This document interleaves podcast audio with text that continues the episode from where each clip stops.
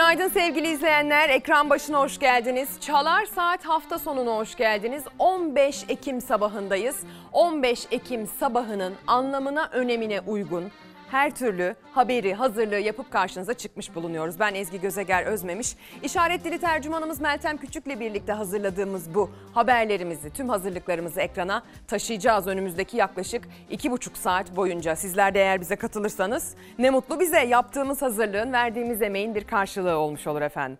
Mesajlar atacaksınız. Bize İsrail-Gazze olayı üzerinden vereceğimiz pek çok haber üzerinden fikirlerinizi söyleyeceksiniz. Yine eminim ki emekliler ekran başında olacaklar.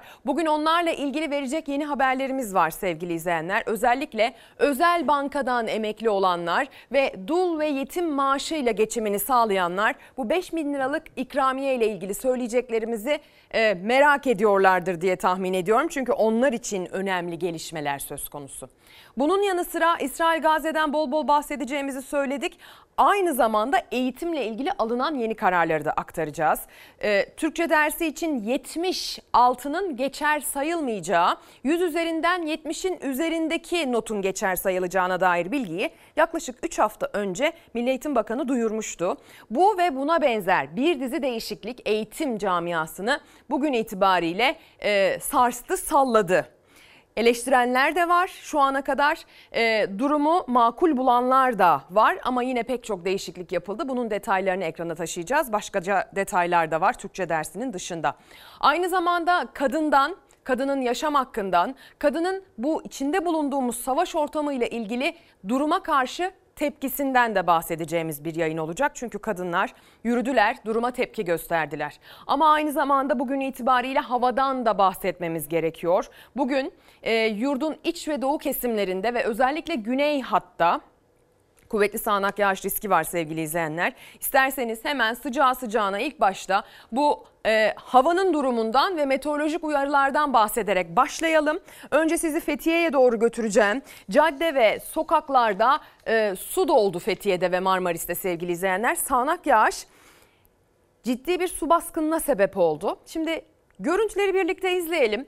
Bu su baskınlarının sebebi sağanak yağışın, yağmurun kendisi mi yoksa hazırlıksız altyapı mı? Birlikte karar verelim.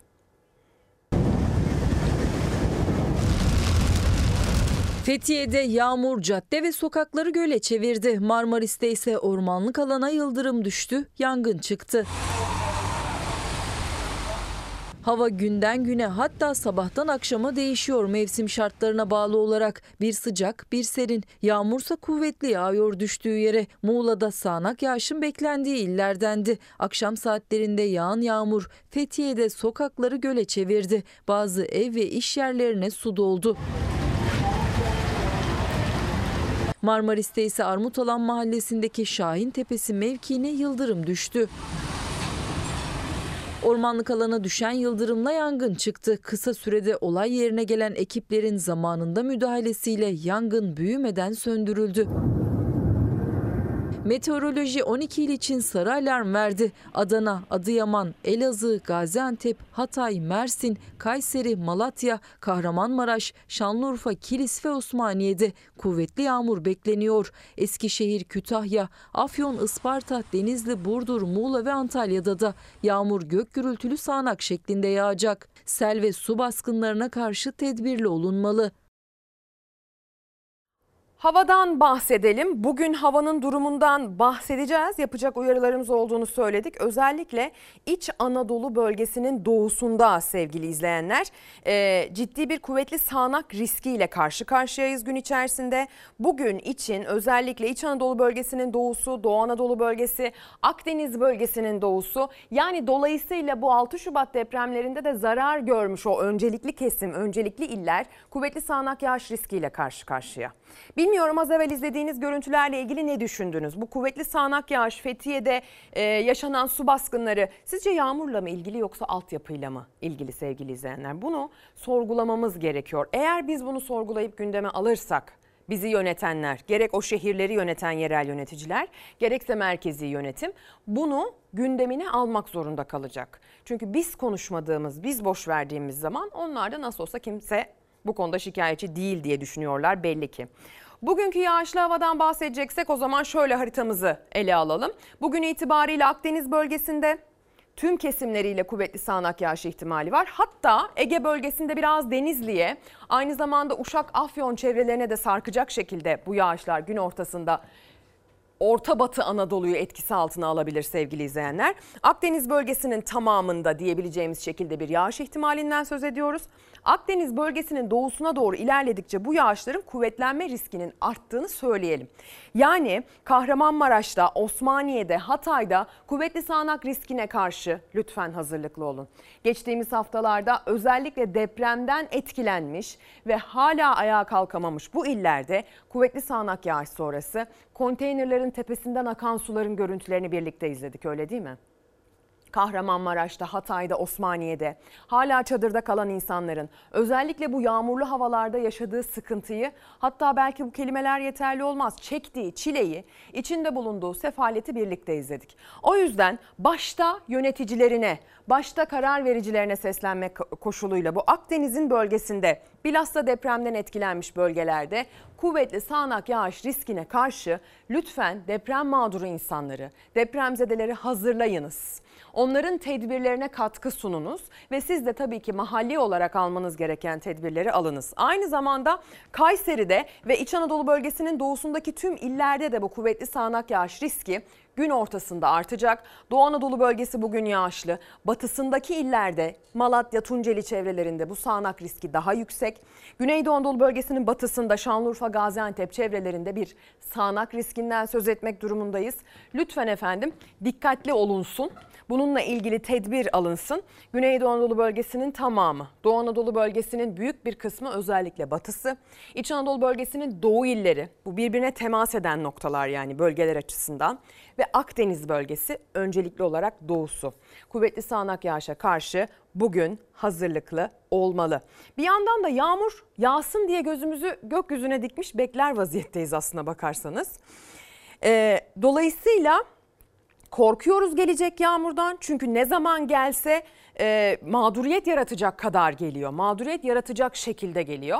Ama bir yandan da barajlarımızın boşluğundan, susuzluğun geldiği noktadan artık dip suyuna indiği için kullanılamayan barajlardan, kuyu suyuyla sulandırılmaya çalışılan şehirlerden bahsetmek durumundayız. Geçtiğimiz hafta bu anlamda Bodrum'u konuştuk hatırlayacaksınız. Zaten yaz taşıma suyla döndü. Turizm taşıma suyla döndü pek çok noktada Bodrum'da. E, şimdi de beklenen oldu. İki farklı barajda dip suyuna ulaşıldı. Dip suyu kullanılamıyor biliyorsunuz. Bunun için özel izin ve özel teknik gerekiyor. Ne zaman hasat edeceğiz yağmur suyunu? Akıp gidiyor, boşa gidiyor. Ne zaman hasat edeceğiz biz? E, hasat ettiğimiz suyu ne zaman koruyacağız mesela buharlaşmadan? teknolojinin bize verdiği imkanlardan ne zaman faydalanmaya başlayacağız? Şimdi pazartesiyi de görelim çünkü yeni hafta başlıyor. Yeni hafta itibariyle yağışlı havanın hani bugün güney hat ve doğu kesimler yarınsa kuzey hatta etkili olduğunu göreceğiz. Kuzey bölgeler Marmara bölgesi, Karadeniz bölgesi yarın itibariyle kuvvetli sağanak yağış riski olan kesimleri kısımları var. Ama genel olarak bir yağışlı havanın etkisi altına giriyor. Marmara bölgesinin tamamı Karadeniz bölgesinin tamamı, Orta Karadeniz, Batı Karadeniz'de İç Anadolu bölgesiyle temas eden e, kesimler, İç Anadolu bölgesinin kuzeyi ve Doğu Anadolu bölgesinde de en kuzey iller Kars'tır, Ardahan'dır, Erzurum'dur, Ağrı'dır. Oralar yarın itibariyle bu yağışın etkisi altına girecek. Doğudaki yağışlar gördüğünüz gibi zamanla tüm bölgeyi saracak şekilde bugün batısını yarın Doğu Anadolu bölgesinin en doğu hattına etkisi altına alacak şekilde görülecek. E tabi yağmurla birlikte ne olacak? Biraz daha üşünmeye başlayacak. Mesela bugün yağmur alacak adreslerde, yarın yağmur alacak adreslerde biraz üşüyeceğiz. Güneşin çünkü şöyle bir etkisi var geçiş mevsimlerinde. Bu baharda da böyledir. Sonbaharda da böyledir. Güneşi gördüğünüz zaman terlersiniz gün ortasında. Güneş olmadığı zaman bir bulut gelsin hemen üşümeye başlarsınız. Ya da akşam çok üşürken öğlen kısa kollu yazlık giymek zorunda kalırsınız. Geçiş mevsimleri böyledir. Güneş varsa sıcak, güneş yoksa soğuk dedirtir insana. Dolayısıyla e, bulut da güneşin önünü kapatırsa üşüyeceksiniz anlamına gelir. Buna uygun giyinin. Çoluğu çocuğu buna uygun giydirin sevgili izleyenler. Yarın yağış alacak olan bölgelerde. Umarım önümüzdeki hafta sonu hani bu hafta biraz yağışlı geçecek çünkü. Önümüzdeki hafta sonu tekrar karşınıza çıktığımızda ya işte bu haftaki yağışlar şöyle oldu. Barajları şöyle doldurdu, çiftçiye şöyle fayda sağladı deme fırsatımız olur. Çünkü aksini işte yağmur bekleniyordu ama bir geldi daha da mağdur etti, daha beter duruma düşürdü demek istemiyoruz sevgili izleyenler. Şimdi e, Hilal Hallaç Orhun yönetmenim eski soyadıyla ağız alışkanlığım var. Ee, Oğuzhan'cığım selam. Buradan e, Hilal'den gazetelerimizi isteyeyim. Ee, Gazze'deki son durumu, e, İsrail'in Gazze'ye yönelik acımasız tutumunu e, gazeteler yine manşetlerine taşımaya devam ettiler bugün. Biz de tabii ki bu anlamda takibi sürdürüyoruz sevgili izleyenler. Dün itibariyle biliyorsunuz İsrail Gazze'de kuzeydekileri güneye sürmek e, burayı boşaltın, tahliye edin, hastaneleri bile tahliye edin şeklindeki bir tavırla, insanlık dışı bir tavırla e, süre vermişti, mühlet vermişti. Dün sabah saatleri itibariyle burada dedik ki saat 16'ya kadar ilave süre verdi İsrail. Saat 10'dan 16'ya kadar geçişlere izin vermeyi sürdürecek ve dedi ki bu geçişler sırasında biz eylemsizlik, ateşkes içerisinde olacağız dediler ama öyle olmadı. Ee, ve bakın neler yaşandı. Gazetelere nasıl yansıdı? Pencere gazetesine bakalım. Ee, İsrail'den gelen mesajlar bir sonraki aşamayı işaret ediyor. O bir sonraki aşamanın da sevgili izleyenler e, bu zamana kadar olduğundan daha kanlı olma ihtimali herkesi çok korkutuyor. Bir sonraki aşama yakın manşetiyle çıkıyor pencere. Diplomatlar Tel Aviv'den Gazze'liler sınırdan uzaklaşıyor. Gazze'de elektrik, su ve yakıt yok. Gıda gitgide azalıyor. Yüz binlerce insan evini bırak, barkını geride bırakıp muhtemel bir kara harekatı endişesiyle Gazze'nin güneyinden kuzeyine gidiyor. Birleşmiş Milletler temsilcisi muhtemel bir kara harekatı öncesinde korkarım henüz daha en kötüsünü görmedik açıklaması yaparken ABD diplomatların ailelerinin İsrail'den çıkmasına izin verildi. Gerilimi yükselten açıklamaysa İsrail Başbakanı Benjamin Netanyahu'dan geldi. Netanyahu sınırdaki askeri birlikleri ziyaret etti ve bir sonraki aşamaya hazır mısınız? Yeni aşama geliyor dedi. Netanyahu'nun yeni aşamadan kastı kara harekatı olarak algılandı deniyor. Öyle görüntüler var ki hastanelerde, morglarda, öyle görüntüler var ki sokaklarda yüzü gözü kan içinde kalmış çocuklar anasının babasının kucağında feryat içindeler. Kucağında vefat etmiş çocuğunu nereye götüreceğini bilemeyen ebeveynler. O kadar kötü ki sevgili izleyenler gerçekten insanın insan olduğundan utandığı bir durumun içerisinde bölge. Buysa insan ben insan olmayayım o zaman diyesiniz geliyor adeta. Ve biz dedik ki bu sabah özellikle böyle bir süreçteysek sessiz kalamayız. Biz olabildiğince bu durumu vurgulamak açısından sessiz kalamayız başlığını atmak istedik. Hadi gelin son durumuyla Gazze'ye bakalım.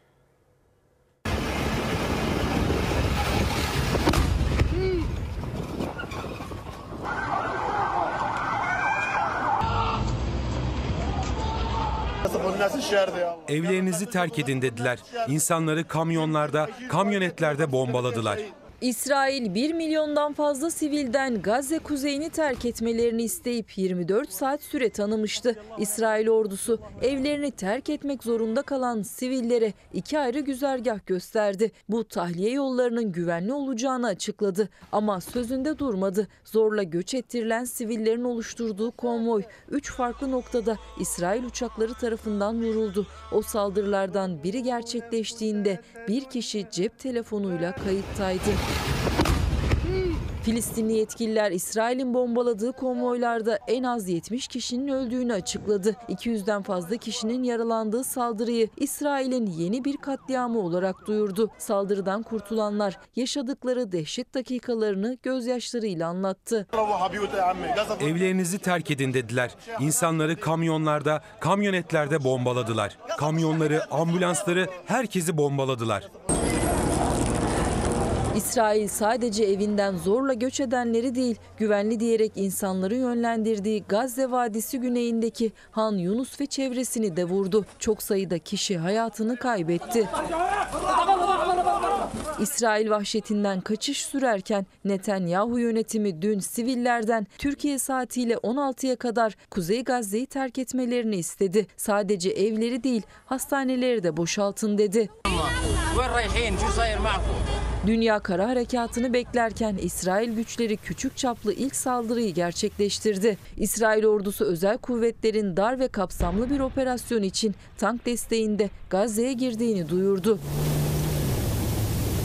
Operasyonda Hamas'ın kaçırdığı bazı rehinelerin ölü olarak bulunduğu aktarıldı. Sayı verilmedi. İsrail bombardımanında 13 rehinenin öldüğünü açıklayan Hamas bugün 8 rehinenin daha hayatını kaybettiğini söyledi. Maalesef sevgili izleyenler korkulan oluyor gibi bölgedeki gerilim, tansiyon gitgide artıyor. Hala yaptığı açıklamayla e, bu sıkıntı karşısında bir tavır gösterebilen yok denecek kadar az. Ülkelere bakıyorsunuz özellikle bu ülkeler hak mücadelesi, insan hakları konusunda en söz sahibi ülke benim diye bayrak sallayarak en önde gezen ülkeler ama gelin görün ki ya yanlı yaklaşıyorlar ya da yaklaşımlarında e, gördüğünüz söyledikleri her şey lafta kalacak cinsten. Yani insanlığın yara alması, insanın insan olduğundan utanması bir anlamıyla da bu yüzden maalesef. Orada yaşananlar zaten öyle. Bakın az evvel söyledik ya saat 10-16 arasında geçişe izin vereceğiz diyen İsrail o konvoy sırasında da vurdu diye haberde de duydunuz. Hürriyet gazetesi kaçanı da vurdular manşetiyle çıkıyor bugün. Dünya sadece seyrediyor. İsrail'in evlerinizi boşaltın talimatına uyup Gazze'nin kuzeyini terk eden Filistinliler saldırıya uğradı. İsrail'in vurduğu göç konvoyunda 70 kişi hayatını kaybetti, 200 kişi yaralandı. Gazze tarihin en büyük zorluğu göçlerinde tarihin en büyük zorunlu göçlerinden birine sahne oluyor. İsrail ordusunun Gazze'nin kuzeyindeki 1,1 milyon kişiye yaptığı evlerinizi boşaltın uyarısından sonra çocuk, yaşlı, yüz binlerce Filistinli güneye gitmek için yollara düştü. İsrail ordusu kendi yaptığı çağrıya uyan Gazze'lileri havadan vurdu. 70 kişi öldü, 200 kişi yaralandı. İsrail ordusu dün de Gazze'nin kuzeyindeki hastanelerin tahliyesini istedi. Birleşmiş Milletler ise bu kadar kısa bir sürede yüz binlerce kişinin taşınmasının imkansız olduğunu, ağır kayıpların olabileceğini bildirdi. İsrail ayrıca Suriye'deki Halep havalimanını vurdu. İran ise Birleşmiş Milletler aracılığıyla İsrail'e saldırıları durdurmazsanız müdahale ederiz mesajı gönderdi. Aynı zamanda Hürriyet'te bir diğer detay Gazze'de sıkışan sivillerin bir bölümünün Birleşmiş Milletler okullarına sığındığı yönünde. Bakın okul sıralarında, okul bahçesinde insanları görüyorsunuz. Hala on binlerce kişi bu okullarda kalıyor. Önceki gece gelen büyük kalabalıklar nedeniyle okullarda yer kalmadı diyor Hürriyet gazetesi. Bir diğer e, gazetenin konuyla ilgili haberine geçelim. Karar gazetesi konuyu manşetten değerlendiriyor bugün. Katliama muazzam destek diyor. Bakın Aksa tufanına orantısız yanıtını etnik temizlik boyutuna taşıyan İsrail Gazze'yi ölüm ablukasına aldı. 2000'i aşkın sivil katledildi. Kalanlar canlarını kurtarmak için topraklarını terk etmeye çağrıldı. Batılı başkentlerse Filistin'le dayanışma eylemlerini dahi yasaklamaya başladı. Netanyahu muazzam uluslararası destek topladık. Yardımlarla savaşın devam etmesini sağlayacağız dedi. 8 gündür süren katliamı kendini savunma hakkı kılıfı altında batılı başkentler desteklerken ABD'nin ardından İngiltere'de bölgeye iki gemi ve bir gözetleme uçağı gönderiyor. İsrail'in muazzam uluslararası destek topladığını belirten Netanyahu düşmanlarımız bedel ödemeye başladı. Sırada ne var? Ee, detay vermeyeceğim ama bu sadece başlangıç dedi. İsrail'e İsrail'e gelecek daha fazla mühimmat ve silahla savaşın devam etmesini sağlayacağız ifadelerini kullandı diyor. Hadi gelin dünyanın verdiği o tepkiyi görelim sevgili izleyenler. Hani bir tepki veriyor mu dünya? Bunu birlikte anlamaya çalışalım. Verdikleri tepki gerçekten can acıtıcı, iç karartıcı cinsten bir savaş varsa özellikle de çoğunlukla sivillerin, çoluğun, çocuğun, yaşlının, kadının öldüğü bir savaş varsa sevgili izleyenler bunu ne din üzerinden bir bakış açısıyla değerlendirebilirsiniz. Bunu ne de siyasi çıkarlarınız üzerinden değerlendirebilirsiniz. Eğer değerlendirmeleriniz bu penceredense o zaman insanlığınızı sorgularız.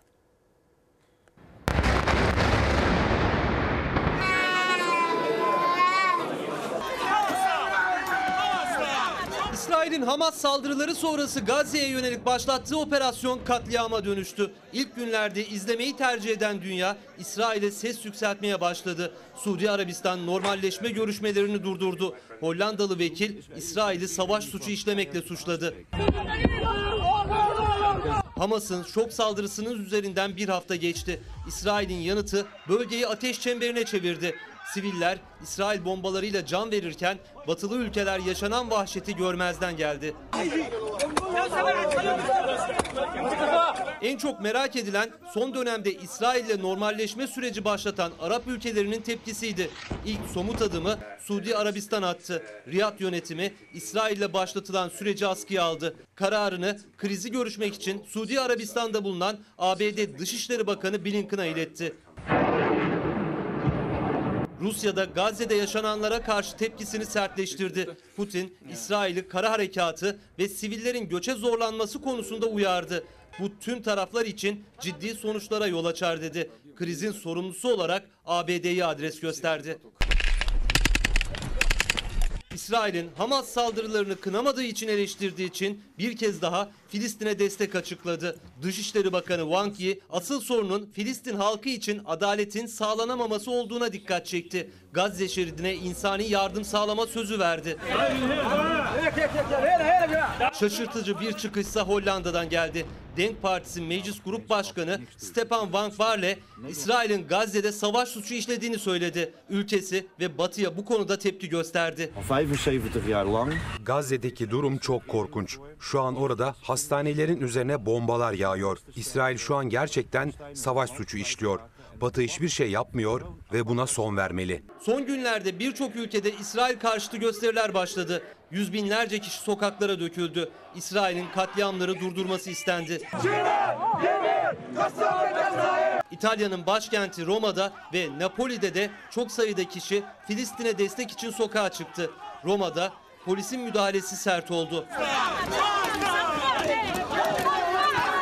ABD ve İngiltere'de İsrail karşıtı gösterilere katılım yüksek oldu. Göstericiler ellerinde bayrak ve pankartlarla Filistin'e destek verdi. İsrail vahşetine sessiz kalınmamasını istedi.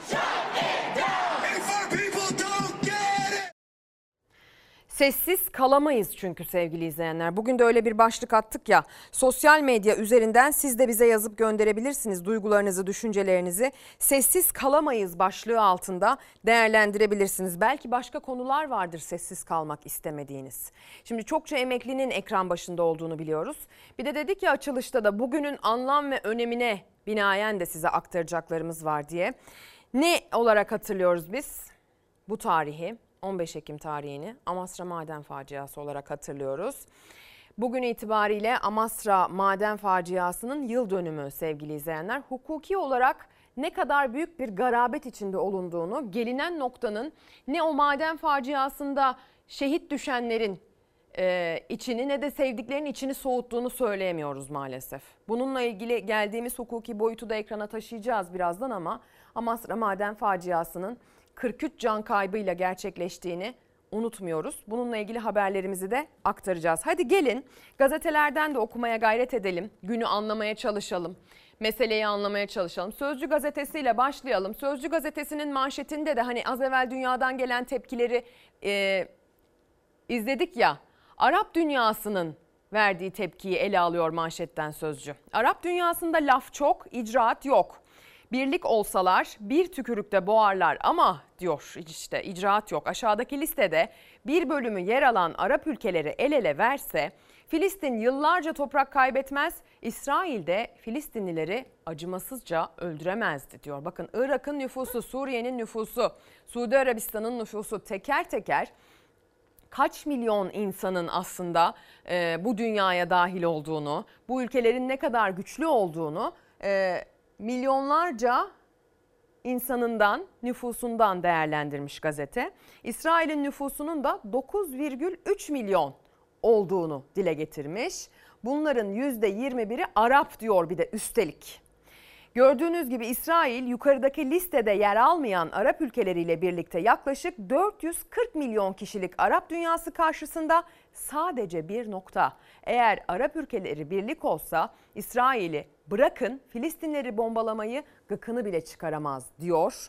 Önemli bir rakamsal veri ve kıyaslamayla bu durumu başka bir açıdan ele alıyor bugün Sözcü gazetesi. Bir gün gazetesinin de manşetinde bugün bu olay var sevgili izleyenler. Bir gün gazetesi de en yüksek perdeden tepki vermeye devam ediyor aslına bakarsanız. İsrail zulmediyor, dünya seyrediyor.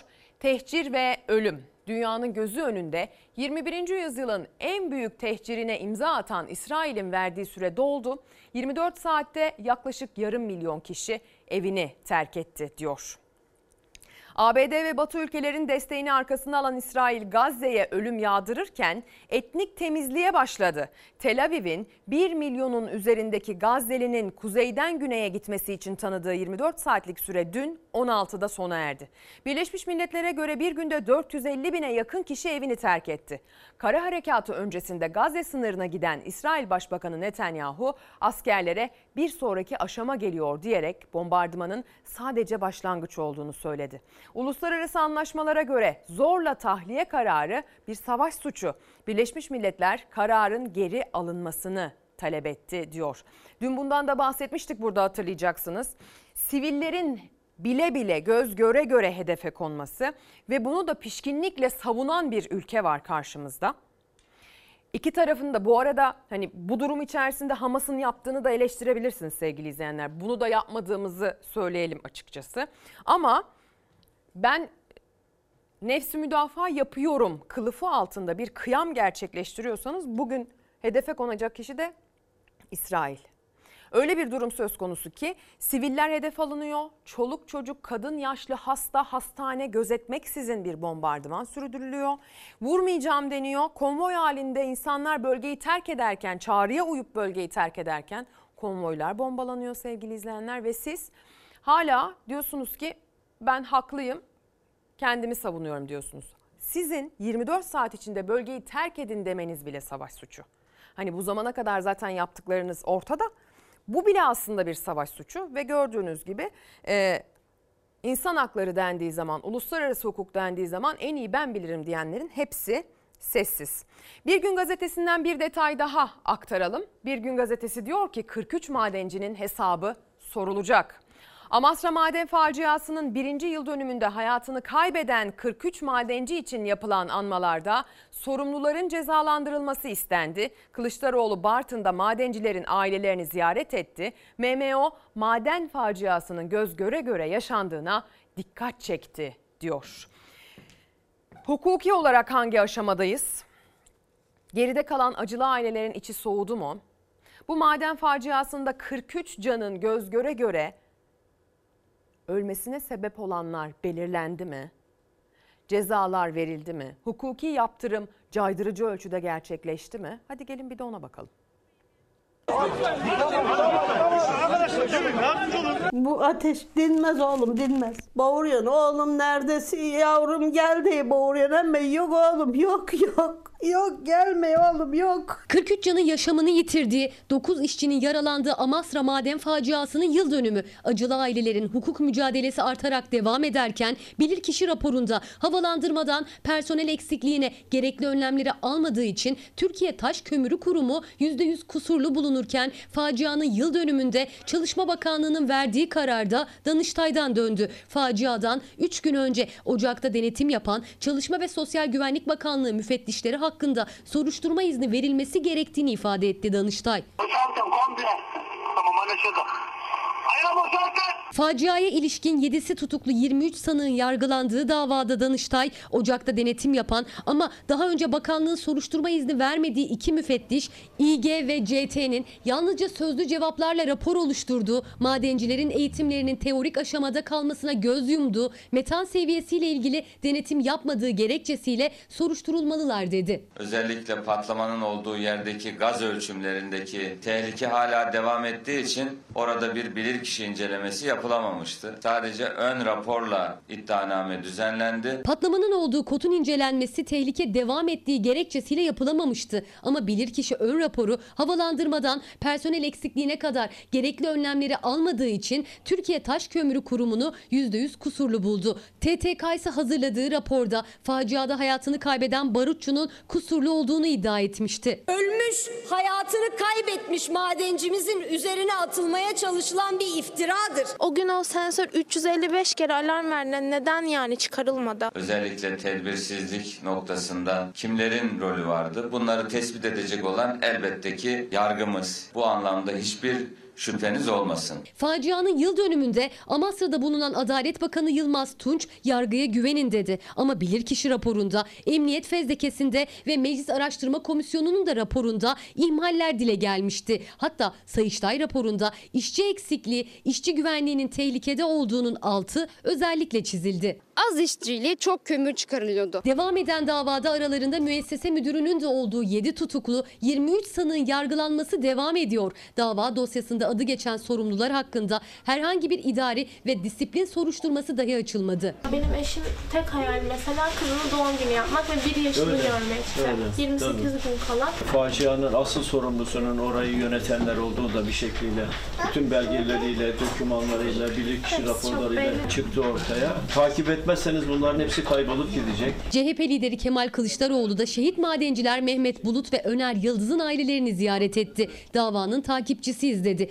Gözler facianın yıl dönümünde 16 Ekim'de gerçekleşecek duruşmada.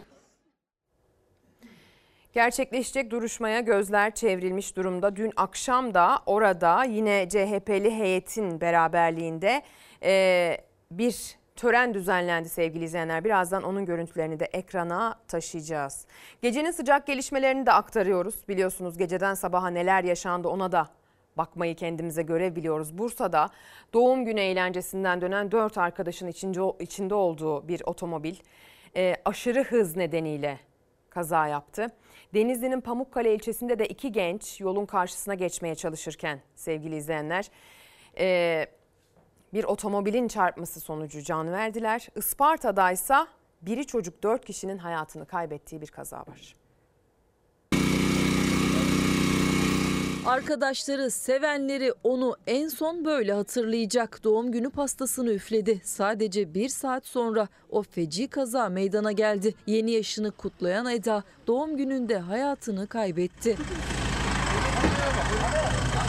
Eda Nur Baykay doğum gününü Bursa kent merkezinde arkadaşlarıyla kutladı. Genç kız doğum günü eğlencesi sonrası da 3 arkadaşıyla birlikte otomobille İnegöl ilçesine gitmek üzere dönüşe geçti. Gece saat 1 sularıydı. Otomobil iddiaya göre aşırı hız nedeniyle kontrolden çıktı. 50 metre savruldu. Önce trafik levhasına ardından da beton aydınlatma direğine çarparak durabildi.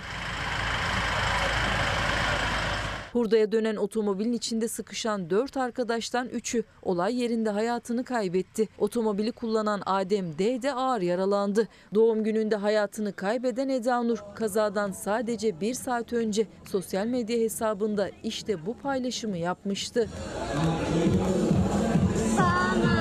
Denizli'nin Pamukkale ilçesinde de yolun karşısına geçmek isteyen 17 yaşındaki İklim Göksu Dönmez'le aynı yaşlardaki arkadaşı otomobilin çarpması sonucu yaşamını yitirdi. Kazanın ardından olay yerinden kaçan sürücü Fatih A evine giderken yakalandı. Sürücünün alkollü olduğu ortaya çıktı. Isparta'nın Şarki Karaağaç ilçesinde ise otomobille kamyonet çarpıştı. Biri çocuk 4 kişi hayatını kaybetti. Biri ağır 3 kişi yaralandı. Ankara Öveçler'de hafif ticari araç üst geçidin ayağındaki asansör kısmına çarptı. Kazada sürücü ve araçtaki bir kişi hayatını kaybetti. Bir kişi de ağır yaralandı. Bodrum'daysa sollama yapmaya çalışan hafriyat kamyonu motosiklete çarptı. Motosiklet sürücüsü Menekşe Algan olay yerinde can verdi. Geçmiş olsun diyelim. Kaybı olanlara başsağlığı dileyelim. Allah'tan rahmet dileyelim sevgili izleyenler. Gencecik çocuklar vefat etti trafik canavarının elinde. acı ama hayatın maalesef değiştiremediğimiz gerçeklerinden biri. Sessiz kalamayız başlığını attık. Sizler de bolca mesaj göndermeye başladınız. Ben birazdan mesajlarınızı okumaya başlayacağım ama e, bir zam haberini aktarmayı daha öncelikli buluyorum müsaade ederseniz. E, dün itibariyle burada konuştuk. İsrail Gazze'nin e, içinde bulunduğu durum, bu savaş, e, Hamas'ın bir festivali, bir barış festivalini bombalamasının ardından savaşa dönen ve Orta Doğu'nun göbeğinde bölgesel bir riske dönüşmesine ramak kalmış bir savaştan bahsediyoruz.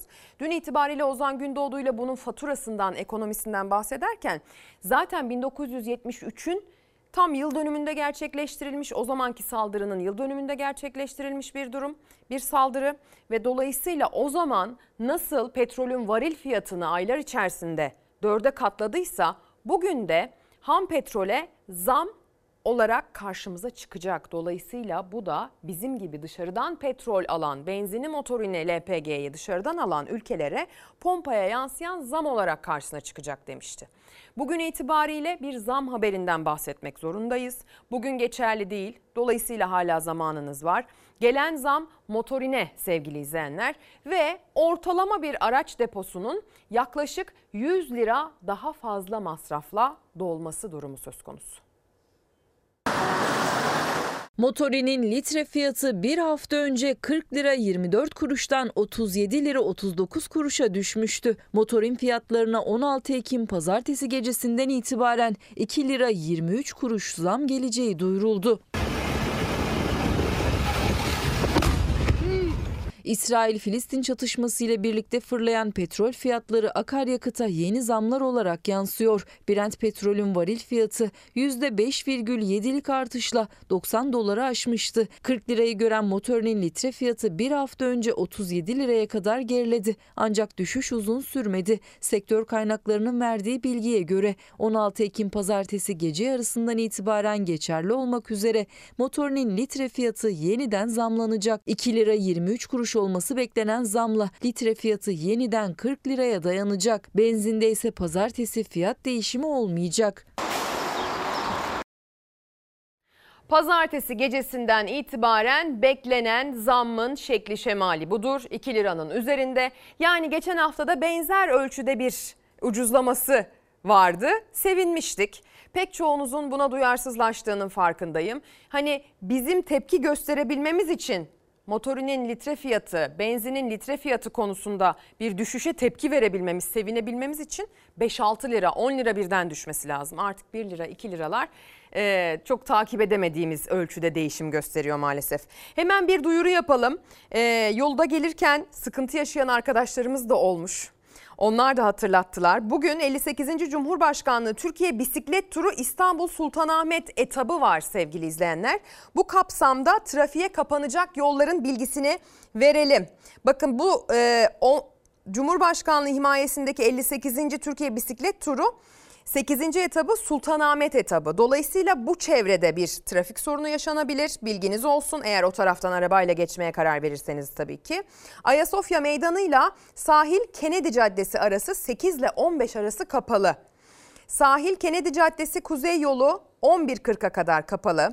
Bu bu arada Fox'un önündeki caddedir Kennedy Caddesi de. Sahil Kennedy Güney Avrasya Tüneli Anadolu geçişi saat 12'ye kadar kapalı 11 ile 12 arasında. Sahil yolu Harem'le Beykoz Küçüksu Caddesi arası da 9.30-14 arası kapalı. 14 15 Temmuz Şehitler Köprüsü Kuzey 12.30 ile 14 arası kapalı. Bakın köprülerde de var. Beşiktaş Meydanla Galata Köprüsü çift yönlü olarak Barbaros Bulvarı iniş istikametinde tek yönlü olarak e, kapalı olabilir sevgili izleyenler. Lütfen dikkat ediniz. Eğer bugün özellikle Avrupa yakasında bu sahil şeridini kullanacaksanız Zeytinburnu'ndan Eminönü'ne kadar giden e, sahil şeridini kullanacaksanız, aynı zamanda Avrasya Tüneli'ni kullanacaksanız, 15 Temmuz Şehitler Köprüsü'nü kullanacaksanız lütfen bu bisiklet turnuvası kapsamında kapalı olan yolları dikkate alınız, bilginiz olsun diyelim. Bu konuda da uyarımızı yapmış olalım. Şimdi isterseniz Van'ın Başkale ilçesindeki kazaya gidelim. Ee, 20 kişi yaralandı bu kazada. Sürücüyle e, 4 kişi yaya olarak kaçtı. Neden kaçtılar? Çünkü bu kazayı yapanlar aslında koca bir araç dolusu kaçak göçmen ve onları kaçıran kaçakçılardı.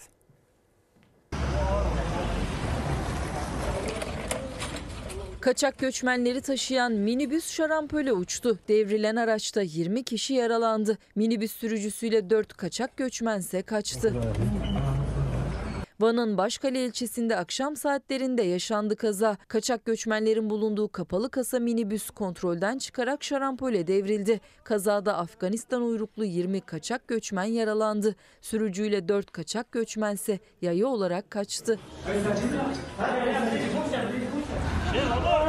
Edirne'de de dur ihtarına uymayarak kaçmaya başlayan hafif ticari araç şehir trafiğini birbirine kattı. Yaşanan kovalamaca 7 kilometre sonra şüpheli aracın trafik ışıklarında bekleyen bir otomobile ardından da aydınlatma direğine çarpmasıyla son buldu. Aracın içinde bulunan 7 kaçak göçmen ve bir göçmen kaçakçısı yakalandı. Yine Edirne'de polis kontrol noktasında durdurulan şüpheli aracın içinde Suriye uyruklu 4 kaçak göçmen yakalandı. Göçmen kaçakçılığı yapan 2 kişi de gözaltına alındı. İki organizatör daha sonra tutuklandı. İnsan kaçakçısı iki kişi ise araçlarının benzini bitince akaryakıt istasyonunda yakalandı. Otomobilin içinden kaçak göçmen çıktı. Kaçak göçmenlerin Avrupa'ya geçiş güzergahı üzerindeki Türkiye-Bulgaristan sınırındaki Kırklar elinde ise 500 polisin katılımıyla denetim yapıldı. Emniyet tarafından oluşturulan uygulama noktalarına özel harekat timi de katıldı. Kente İçişleri Bakanlığı tarafından 100 özel harekat polisi sevk edildi. Göçmen kaçakçılığına yönelik denetimlerin 24 saat esasına göre bir süre daha aralıksız devam edeceği duyuruldu. İstanbul ve İzmir'de farklı tarihlerde yapılan eş zamanlı operasyonda organizatörlük yaptığı belirlenen toplam 19 şüpheli yakalanarak gözaltına alındı. Şüphelilerden 12'si tutuklandı. Balıkesir'in Ayvalık ilçesinde 19 kaçak göçmen yakalandı. Aydın Kuşadası açıklarındaysa Yunanistan'a yüzerek geçmeye çalışan 5 düzensiz göçmenle lastik botla kaçmaya çalışan 25 düzensiz göçmen kurtarılarak karaya çıkarıldı. Muğla'nın Datça ilçesi açıklarında da 110 kaçak göçmen kurtarıldı. Bir de yasaklarımız var meşhur son dönemde biliyorsunuz sevgili izleyenler. Son dönemin meşhur yasakları özellikle eğer gençler eğlenmek istiyorlarsa, eğer gençler sevdikleri tarzda müzik dinleyip bir arada festivaller yapmak istiyorlarsa o zaman geliyor. Bu yasaklar genellikle alkol kullanımına bağlı yaşanabilecek sıkıntılar, işte yaşanabilecek tehlikeler minvalinde e, geldiği için açık açık böyle söylenerek geldiği için ve kıyasladığınızda başka bir araya gelmelerin asla yasaklanmadığıyla e, bir yaşam tarzına müdahale olarak yorumlandığı için haliyle çok tepki çekiyor. Öyle bir dönemden geçiyoruz. Geçtiğimiz hafta bu anlamda Adana'daki Rock Festivali'ni bolca konuştuk. Valinin bunu güvenlik gerekçesiyle yasaklamasından bahsettik. Bir de üzerine valinin güvenlik anlamında festivali yapan kişilere destek olmaması iddiasını da gündeme taşıdık. Yani güvenlik göre hem dedi ki güvenlik açısından zararlı o yüzden ben destek olamam dedi. Ben izin veremem dedi ki valinin görevi o güvenliği sağlamak. Sonra da madem inatla yapıyorsunuz bu festivali o zaman size güvenlik vermiyorum da dedi öyle söylendi. Şimdi Eskişehir'deki festival yasağına bakalım isterseniz. Eskişehir'de biliyorsunuz özellikle gençlerin, üniversite öğrencilerinin çok tercih ettiği, cıvıl cıvıl yaşayan sanatıyla e, kendinden bahsettiren bir şehirdir. Orada da Oktoberfest, Ekim Festivali yapılmak isteniyordu. Biliyorsunuz bunun merkezi aslında belki de biliyorsunuzdur. Bunun merkezi aslında Almanya'dır. Her Ekim ayında Almanya'da evet alkol üzerine bir festival düzenlenir. Bunun bir benzerini Eskişehir'de yapmak istediler gençler.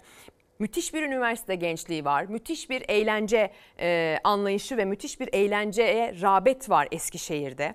Akşamları renkli geçen bir şehir Eskişehir çünkü pek çok genç orada. E, ama gelin görün ki Eskişehir'de valilik tarafından bir yasak geldi bu festivale de. İstanbul'da, Ankara'da, İzmir'de, Antalya'da yapılması planlanıyordu. Aynı zamanda Eskişehir'le birlikte CHP Eskişehir milletvekilinden dinliyoruz duruma tepkiyi. Türkiye'nin en yaşanabilir kenti olan kültür şehri, sanat şehri, gençlik şehri Eskişehir son günlerde yasakların şehrine dönüşmeye başladı. Geçen yıl Anadolu Fest iptal edilmişti. Bu yılda Oktoberfest iptal edildi. Gerekçesi aynı. Huzurun sağlanması, suç işlenmesinin engellenmesi. Valiliğin gerekçesi bu. Oysa valiliğe, güvenlik güçlerine düşen bu etkinlikler yapılırken güvenliğin sağlanması. Yani güvenlik sağlanamaz diye etkinliklerin iptal edilmesi demokraside olmayacak bir iş. Üç üniversitenin bulunduğu Eskişehir'de böylesine bir etkinliğin, festivalin iptal ediliyor olması kabul edilemez.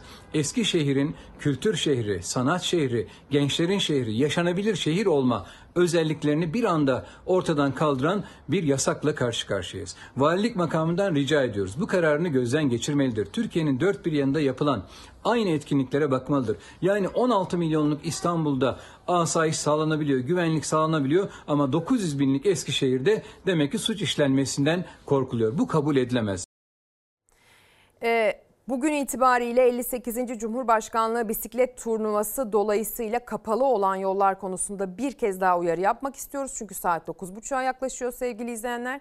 Kısım kısım bakın Avrupa yakasının e, sahil şeridinde Boğaz kıyısında Aynı zamanda Beşiktaş'ta ve 15 Temmuz Şehitler Köprüsü'nde bugün belli saat aralıklarında trafik durdurulacak bu sportif etkinlik dolayısıyla. Eğer Beşiktaş civarında, Eminönü çevrelerinde, Yeni Kapı'da, Zincir, e, Zeytinburnu'nda ya da 15 Temmuz Şehitler Köprüsü'nde arabayla bir geçiş planınız varsa bugün itibariyle lütfen çok detaylı açıklama yapılmış saat aralıkları özellikle belirtilerek verilmiş.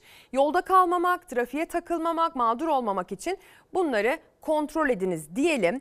Aktaracağımız çokça haber var. Hazırlıklarımız e, oldukça yoğun bugün itibariyle.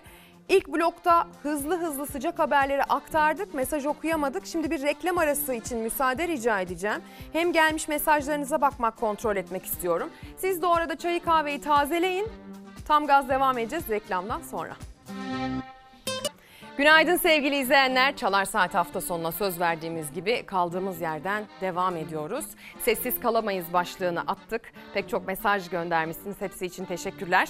Mesaj yazıp gönderen eller dert görmesin diyelim. Çünkü biz sizin gönderdiklerinizle, sizin yorumlarınız ve katkılarınızla şekillendiriyoruz içeriğimizi. Zaten görevimiz de toplumsal olarak bir ayna olma. Dolayısıyla o ayna nedir? Saklar mı bazı şeyleri? Ayna her şeyi olduğu gibi gösterir. Biz de her şeyi olduğu gibi gösteriyoruz. Bu anlamda da e, sizin bize yansıttıklarınız o mesajlar oluyor işte. Şimdi Gazze'deki durumdan devam edeceğiz. Bu işin siyasetinden özellikle Türk siyasilerin, bizi yönetenlerin bu anlamdaki temaslarından bahsedeceğiz. İsterseniz Pencere Gazetesi'ne bir bakalım. İlk sayfasına özellikle Dışişleri Bakanımızın içinde bulunduğu temas yansımış. Kahire'de Gazze mesaisi başlığıyla aktarıyor gazete. Dışişleri Bakanı Fidan Mısır'da temaslarını sürdürürken Gazze'deki 300 çift uyruklu Türk vatandaşından 30'unun bölgeden çıkarıldığını açıkladı. Mısırlı mevkidaşıyla ortak basın toplantısı düzenleyen Fidan, Mısır ve Türkiye'nin sivil can kayıplarının önüne geçilmesine öncelik verdiğini vurguladı. Gazze'ye müdahalenin haklı gibi gösterilmesinin kabul edilemez olduğunu söyledi diyor. Aynı zamanda Cumhurbaşkanı Sisi ile görüştü sevgili izleyenler. İki uçak gemisini İsrail'e destek için Doğu Akdeniz'e gönderen Amerika'ya sert bir çıkış yaptı Cumhurbaşkanı Erdoğan. Onu da duyacaksınız. Ve bu çıkışa e, ittifak ortağı MHP liderinden destek geldi. Masum sivillere hedef alan saldırıları ve sivil can kayıplarını elbette reddediyoruz, kınıyoruz.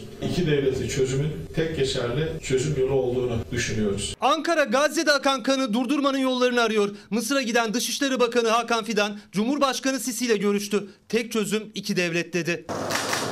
İsrail-Hamas savaşı sürerken Türkiye ile Amerika arasında da gerginlik yaşanıyor. Amerika'nın Suriye'de SİHA'mızı düşürmesinin ardından Akdeniz'e iki uçak gemisi yollamasına Cumhurbaşkanı Erdoğan sert tepki verdi. Erdoğan'a MHP lideri Bahçeli'den destek geldi. Cumhurbaşkanımızın diplomatik faaliyetlerini tartışmasız desteklediğimizi burada ilan etmek istiyorum. Recep Tayyip Erdoğan yalnız değildir. Sorun ne Türkiye'dedir ne dünyadadır. Amerika ile İsrail arasındadır. Sorunu çözecekse onlar çözecek. Amerika uçak gemisi gönderiyor. İkinci uçak gemisi de gelecek. E bay Amerika. Ya Amerika nire? Akdeniz, İsrail, Filistin nire?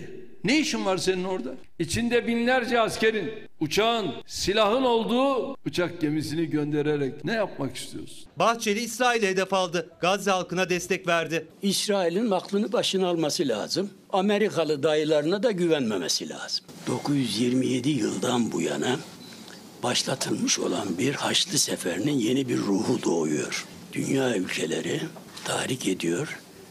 Lobiler faaliyete geçiyor. Amerika'nın Dışişleri Bakanı İsrail'e Dışişleri Bakanı sıfatıyla değil bir Yahudi sıfatıyla yaklaşıyorum diyor. Bu nasıl bir politikacı? Bu nasıl bir yaklaşım? Sana karşındakiler de şunu söylerse ben de bölgeye bir Müslüman sıfatıyla yaklaşıyorum derse ne diyeceksin? Filistinlerle bir barış yapılmadan bölgeye kalıcı bir barış gelmesi mümkün değildir. Dışişleri Bakanı Hakan Fidan bölgede barışın sağlanması için Kahire'ye gitti. Önce Alman mevkidaşıyla görüştü. Mısır Cumhurbaşkanı Sisi ile bir araya geldi. Öncelikli gündem bölgede barış ve Gazze'ye insani yardımdı. Türkiye'nin Gazze için gönderdiği insani yardım malzemelerini taşıyan 3. uçak da Mısır'a ulaştı. Fidan bölgedeki Türk vatandaşlarla ilgili de bilgi verdi. İçeride yaklaşık e, 300 civarında çifte uyruklu Türk vatandaşımız e, bulunmakta. Bunlardan 30'unun e, tahliyesini e, başardık.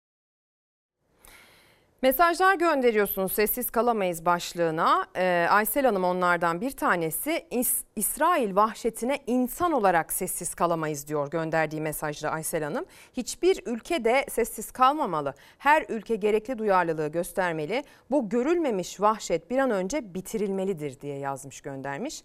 Ama zannedersen böyle olaylarda Bizler sade vatandaşlar olarak kullandığımız sosyal medya hesaplarında ya da koca koca yöneticiler koltuklarında bazen e, sapla samanı ayırmakta zorluk çekebiliyorlar. Özellikle yönetenler siyasi açıdan bir tarafı destekleyince ya da bir tarafı düzeltiyorum anlamaya çalışınca o tarafı destekliyormuş gibi algılanıyorlar. Yani siz Filistin'in özgürlük mücadelesini destekleyebilir ama aynı zamanda Hamas'ın yaptığını kabul etmiyorum diyebilirsiniz. Siz aynı zamanda sivillerin ölümüyle ilgili bir sıkıntı varsa İsrailli veya Filistinli ayırt etmeksizin hiçbir sivil ölmesin de diyebilirsiniz. Bu sizi insanlıktan taraf yapar. Bu sizi ne İsrail'den taraf ne Filistin'den taraf yapar. Bu sizi insanlıktan yöne bir taraf alma durumuna sokar sevgili izleyenler. Yani e, Filistin'e destek verdiğiniz zaman Yahudi düşmanı olmazsınız. İsrail'e destek verdiğiniz zaman Müslümanların düşmanı olmazsınız mesela. İsrail'i eleştirdiğinizde Yahudi'ye düşmansınız anlamına gelmez. Filistin'i eleştirdiğinizde, Hamas'ı eleştirdiğinizde e, işte din kardeşlerimize kötü cümleler kuruluyor gibi bir yoruma gerek yoktur mesela. Dolayısıyla e, öyle bir tüketim toplumu içerisindeyiz ki her şeyi galiba özellikle sosyal medyadan hızlı hızlı tüketmeye çok alıştık. Belki de bu yüzden bu kadar popülist liderler başımıza çıktı bu süreçte. Çünkü sadece Türkiye'nin değil dünyanın bu popülist liderlerden çok çektiğini bakın bu örnekte de aslında görmüş olduk. Yani herhangi bir şeyi derinlikli olarak irdelemek neredeyse lügatımızda kalmadı gibi bir durum söz konusu sadece gördüğümüzü olay bazında değerlendirip hemen bir taraf tutmaya mecbur hissediyoruz kendimizi.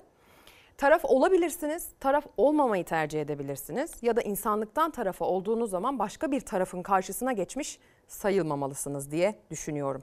Can Kaynar da insanlık suçu sadece savaş ve işgalle olmaz, yasaklar da bir insanlık suçudur. Buna da sessiz kalamayız mesajını göndermiş.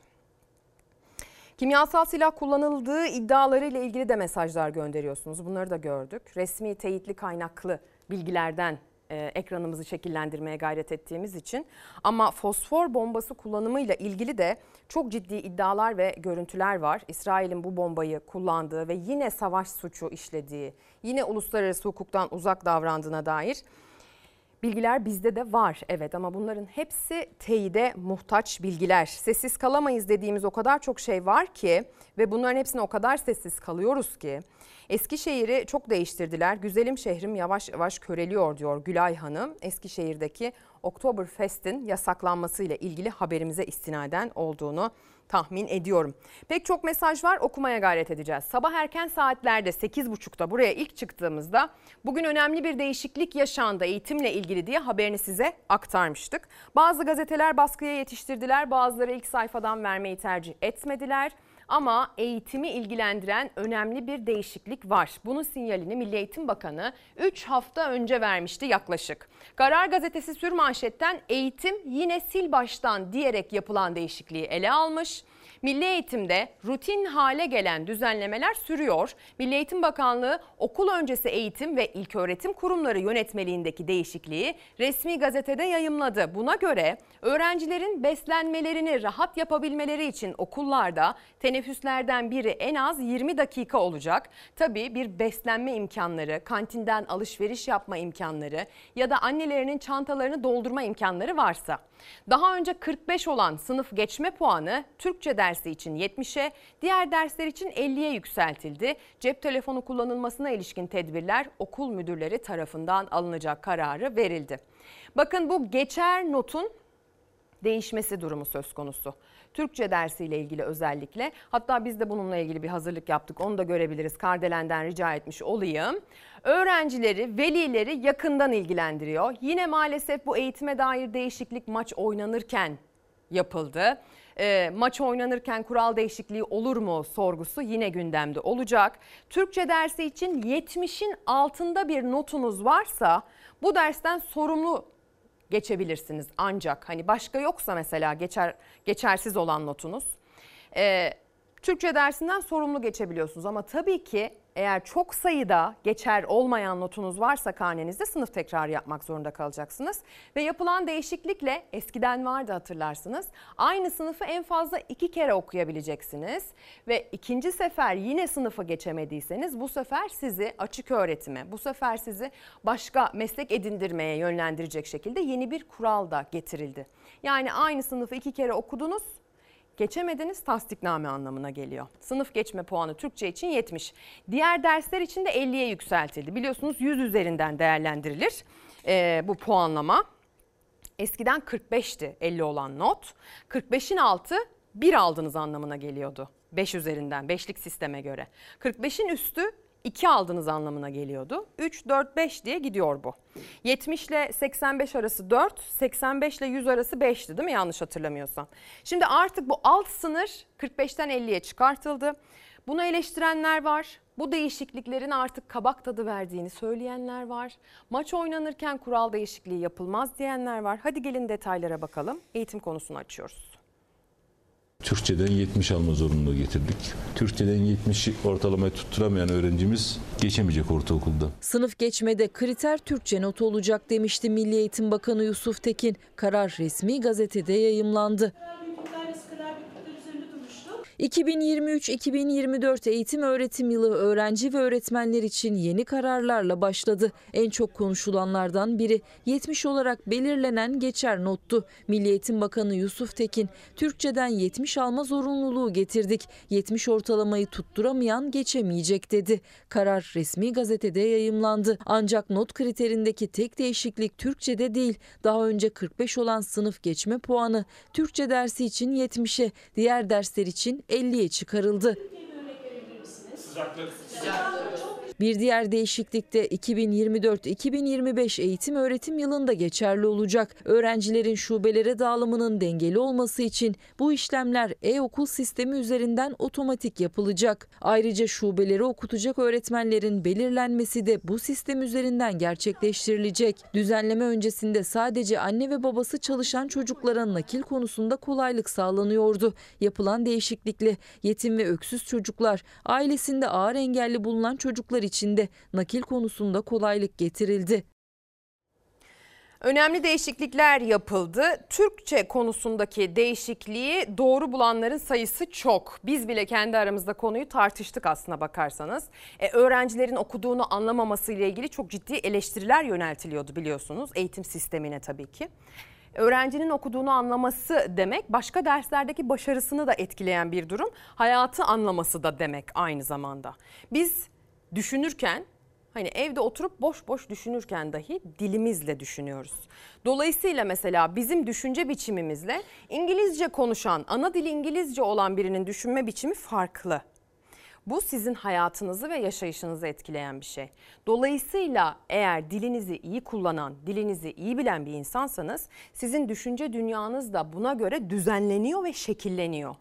Ve dolayısıyla sizin hayat kaliteniz, hayatı anlama kaliteniz de bakarsanız buradan artıyor ve akademik olarak başarı anlamında baktığınızda tabii ki matematik problemini anlamak için de Türkçe lazım.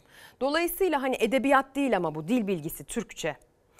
Ne kadar iyi konuşursanız dilinizi, ne kadar iyi bilirseniz dilinizi, sizin de iyi bir düşünce dünyanız, e, buna göre şekillenmiş bir zihin dünyanız oluyor. Biz o yüzden aslında kitapların e, tanıtımına ve kitap okumaya teşvik anlamında büyük bir çaba sarf ediyoruz. Yeri gelmişken yönetmenim kitap gösterebilir miyim? İlkay Yıldız yazmış, Sepya'yı göndermiş sevgili izleyenler bizlere imzalayıp çok çok teşekkür ediyoruz. Yolu açık olsun. Bir diğer kitap biraz özel bir kitap. İsmi de biraz zor. Sınav gibi bakın okuyacağım şimdi. Muataz Mayin Şatürta kitabın adı. Mitoloji, efsane, obje, takı, sembol evrimi. Milattan önce 70 binle milattan sonra 2022 arasındaki özellikle kültürel sembolizme bakıyor. Pek çok anlamı ortaya koyuyor. Bu insanlar bu kitabın bağışıyla, bu kitabın geliriyle aynı zamanda bu anlamdaki kurumlarını da yaşatmaya gayret ediyorlar. Bize de imzalayıp göndermişler. Çok çok teşekkür ediyoruz. Gazi Mustafa Kemal Atatürk'ün Türklük hakkındaki düşünceleriyle başlıyor kitap önemlidir, kıymetli bir çalışma olduğu anlaşılıyor. İncelemeye gayret edeceğimi söyleyeyim. Hani Türkçeyi iyi bilmekten, iyi Türkçe konuşmaktan reklam arasında da bahsettik biraz. Ee, çok okumak çok faydalı bir durum. Yani siz eğer okul başarınızı arttırmak istiyorsanız roman da okuyabilirsiniz okul başarısını o da arttırır. Yani evladım roman okuma, kitap okuma, ders çalış demenin de bir sınırı var. Biraz okuması lazım çocukların. Yani dersten kaçmak olarak algılanmaması lazım. Kitap okumak. Eğitimden öğrenciden, eğitim camiasındaki bu değişiklikten bahsetmişken öğretmenlere yönelik gözle gördüğümüz şekilde artan şiddet vakalarına geçelim mi? Korkusuz gazetesi bugün ilk sayfasından genişçe bu olaya yer veriyor. Dün de ekrana taşımıştık ama bir ilavesi de oldu maalesef. Eğitim düşmanları başlığıyla aktarmış korkusuz. Bir haftada 9 öğretmen saldırıya uğradı demiş. Kız kardeşini okutmak istemedi. Okulu basıp 5 öğretmeni dövdü. Dün bunun görüntülerini aktarmıştık sabah saatlerinde hatırlayacaksınız. Bir diğer vaka eski öğrencisi lise müdürünü muştayla feci şekilde dövdü deniyor. Eğitimcilere yönelik bir şiddet haberi de Şanlıurfa'dan geldi. Akçakale Şehit Halil Kanat Lisesi bahçesine gelen ve geçen yıl mezun olan Yusuf A. öğrencileri rahatsız edince okul müdürü Aziz Tur tarafından okuldan ayrılması konusunda uyarıldı. Buna direnen eski öğrenci müdüre muştayla saldırdı. Müdür ağır yaralandı, saldırgan aranıyor. Maalesef maalesef bu eğitim camiasındaki şiddet meselesi de geçtiğimiz hafta özellikle basına yansıyan vakalarıyla birlikte bir desen oluşturdu. Ama biz bu deseni reddediyoruz. Sakin, sakin olun. Sakin, öğretmenin öğrencisiniz. Okulda dakikalarca hem öğrencilere hem de öğretmenlere korku dolu anlar yaşattı. Okulu bastı, okumasını istemediği kız kardeşini sınıftan zorla çıkarmak istedi. Kendisine engel olmak isteyen öğretmenlere saldırdı, beş öğretmeni yaraladı.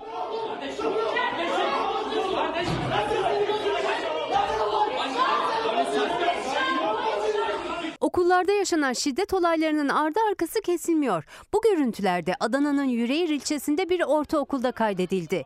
Berat Z kız kardeşinin okumasını istemiyordu. Okula geldi kardeşini ders sırasında sınıftan çıkarmak istedi. Öğretmenler karşı çıktı. Sonra ortalık karıştı. Öğretmenim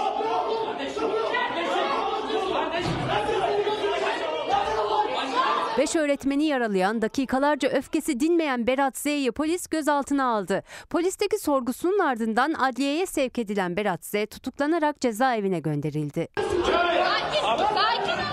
Benzer bir olay da Şanlıurfa Akçakale'de yaşandı. Akçakale Şehit Halil Kanat Lisesi Müdürü Aziz Tur birkaç gün önce öğrencileri rahatsız ettiği için uyardığı bir kişinin demir sopalı saldırısına uğradı.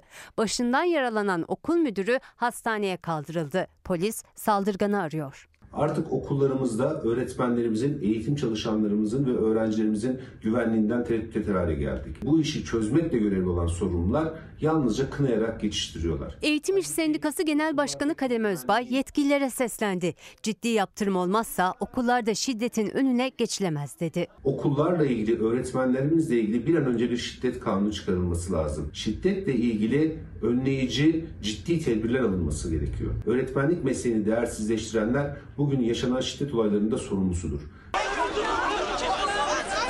Kaç kişi İki. Veli okulu basıyor, öğretmen odasına giriyor, odayı darmadağın ediyor. Mutlaka bir tutuklama kararı alınması gerekiyor. İstanbul Beylikdüzü'nde de çocuğu disiplin kuruluna sevk edilen veli bir arkadaşıyla birlikte okulda öğretmenlere saldırmıştı. İki şüpheli mahkeme tarafından serbest kaldı önce. Tepkiler artınca şüphelilerin serbest bırakılmasına savcılık itiraz etti. İki saldırgan tutuklanarak cezaevine gönderildi. İki saldırgan tutuklanarak cezaevine gönderildi. Geçtiğimiz hafta Beylikdüzü'nde İstanbul'da bir okulda e, öğrenciyi öğretmen disipline sevk etmiş. Babası bu meseleye çok sinirlenmiş. Yanına bir arkadaşını almış, okulu basmış. Öğretmenler odasını dağıtıyor. Üç öğretmeni yaralıyor. Yakalanıyorlar, gözaltına alınıyorlar, serbest bırakılıyorlar. Ama tabii ki ne oluyor sonra? Medya tepkisi ve sosyal medya baskısından sonra tekrar gözaltına alınıp bu kez nöbetçi mahkeme tarafından tutuklanıyorlar sevgili izleyenler. Bir de medyaya yansımayanlar var. Yani gelmeye çalıştığım nokta o. Adalete erişebilmemiz için bir kitle baskısına ihtiyaç duyulmaması gerektiğini düşünüyorum. Bu pek çok farklı vakada karşımıza çıkan bir durum. Özellikle kadına yönelik şiddet vakalarında çok sık karşılaştığımız bir durum. Eğer toplumsal bir tepki görmezse herhalde o anlamdaki hukuk insanları e, o tepkiyi görmekten korkuyorlar. Hiçbir şekilde adalete ulaşmak bazen mümkün olamayabiliyor. Emekli için verilecek olan bir kereye mahsus 5000 TL çalışana çalıştığı için verilmiyor. Devletin verdiği 7500 TL yetseydi zaten çalışmak zorunda kalmazdı.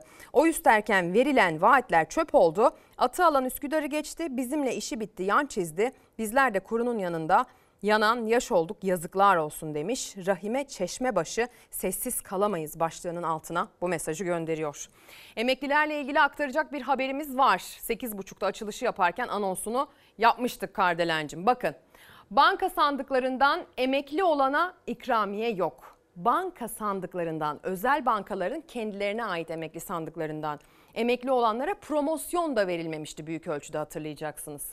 Özel bankaların sandıkları üzerinden emekli olanlar da çalışan emekliler gibi tek sefer için verilecek 5 bin lira ikramiyeyi alamayacaklar. Buna dair tepki yükselten emekliler dernekleşmiş emekliler var. Onların sesini duyacaksınız. Bir de 5 bin lira alabilenin bir hesabı var simit üzerinden. Ona da bir kulak verelim emeklilerimizin yaşadığı sıkıntıları bir nebze de olsa hafifletmek için bir defaya mahsus 5 bin lira ikramiye ödemesi yapmayı kararlaştırdı. 17 özel banka emeklilerinin bu mağduriyeti yaşadığını peşinen iletmek isterim. İktidar tek seferlik 5 bin liralık ikramiyede emeklileri çalışan çalışmayan olarak ayırdı. Cumhurbaşkanı Erdoğan 12 milyon 200 bin emeklinin ikramiye alacağını söyledi. Aralarında kayıt dışı çalışanlar da var. Kayıtlı çalışan emeklilere ikramiye yok. Bir de özel banka sandıkları üzerinden emekli olanlara. Bunu biz daha önce de bayram ikramiyelerinde de yaşadık. Bugün hükümeti yöneten ler tarafından 5 bin lira iyileştirme yardımı adı altında verilen bu paranın özel sandık emeklerini kapsamadığını henüz yasa çıkmadı ama bunların dille Sayın Cumhurbaşkanımız tarafından bunların dillendirildiğini kamuoyunda, basında öğrendik. Bir kereye mahsus 5 bin lira vermek yetmez. Sadaka mı dağıtıyorsunuz kardeşim? Kendinize gelin. 101 sebeplerden dolayı bütçemizde bir kısıtlama gitmek zorunda kaldık. Çalışan çalışmayan emekli ayrımı neden yapıldı? Çalışan emekliler neden 5 bin liralık ikramiye ödemesi kapsamı dışında kaldı? Çalışma Bakanı açıkladı. Mücbir sebeplerden dolayı dedi. Elde edebileceğimiz en maksimum sonuç buydu. Hayırlı olsun. Gündemimize başka bir çalışmada söz konusu değil. Ancak 5 bin liralık ikramiyeyi alamayanların sadece çalışan emekliler olmadığını söyledi özel bir bankadan emekli olan Ali Alpan. Çalışma Bakanı'nın detaylarını açıklamadığı mücbir sebepler nedeniyle özel banka sandıkları üzerinden emekli olanlar da 5 bin liralık ikramiyeyi alamayacak. Bu durum esasında anayasanın eşitlik ilkesine aykırıdır. Devlet bize bir ayrımcılık yapıyor. Bizim sıkıntı duyduğumuz bu nokta. Anayasa aykırı çünkü zaten emekli olmuş, tekrar çalışmaya devam ediyor ama bizim hedef grubumuz mağdur durumda olan ya da geçim zorluğu yaşayan emeklilerimizi biz kapsam içine almakta. Bu hayırlı oldu. Çok güzel bir sonuç elde ettik. Birleşik Kamu İş Konfederasyonu yönetimi ise emeklinin alacağı 5 bin liralık ikramiye üzerinden simit çay hesabı yaptı. Sabahleyin bir kafeye, bir simit satılan yere gittiğimizde bir simit, bir çay ve bir su. İşte yani şeyini kapattım bunu görebilirsiniz. Toplam ödediğim rakam 46 lira. Şimdi bu 46 lira üzerinden düşünebiliyor musunuz? Bir simit, bir çay ve bir su. Bunu günde 3 öğün üzerinden hesapladığımızda 138 lira yapıyor sevgili arkadaşlar. Bir ay üzerinden bunun bir hesabını yaptığımızda da 4140 lira yapıyor. İşte uzunca bir süre müjde olarak verilen ve daha Kasım ayının ortalarında hesaba yatırılacak olan bahsedilen o büyük rakam olarak sunulan 5000 liranın karşılığı işte bir ayda sadece bir simit, bir su ve bir çayın karşılığıdır. Ya simit hesabı meşhurdur. Muhalif bir siyasiyken Cumhurbaşkanı Erdoğan'ın yaptığı simit hesabı da biliyorsunuz böyle eski bir video görüntüsü olarak çok viral olmuş bir görüntüdür. Dolayısıyla aynı minvalde devam ediyor kıyaslamalar ama tabii ki bugün e, yöneticilere, bugünün yöneticilerine yönelik eleştiri yöneltiliyor. Günaydın işsizlik sayısı 80 milyonu geçmiş. İşkur ve Başkanı iş var beğenmiyorlar dedi. Bu çelişki değil mi? Sessiz kalamayız diyor. 80 milyon bilgisini tekrar düşünün diye tavsiye ederim. Kıbrıs'tan günaydınlar Ezgi Hanım. Masumların canının yanmasına sessiz kalamayız. Atı alan Üsküdar'ı geçer de ahımızı alan karşıdan karşıya geçebilir mi bilmem diye sormuş. Güzel bir mesaj. Bütün memurlara birinci dereceye gelen bütün memurlara 3600 ek gösterge vereceğinin sözünü verip hala hiçbir ses yok bu konuda diyor Mevlide Hanım gönderdiği mesajda. Hiçbir çalışma yok, sessiz kalamayız. Birinci dereceye gelen memurlara 3600 ek göstergenin verilmesini istiyoruz. Sayın Cumhurbaşkanı'nın sözünün arkasında durmasını istiyoruz diyor. Şimdi kamu son haberden emeklinin simit hesabı manşete nasıl yaşım, e, yansımış ona bakacağız sevgili izleyenler. Bir de tabii ki vaatlerin tutulup tutulmaması meselesine madem atıfta bulundunuz bir de sonrasında Yeni Çağ Gazetesi'nin manşetine bakalım.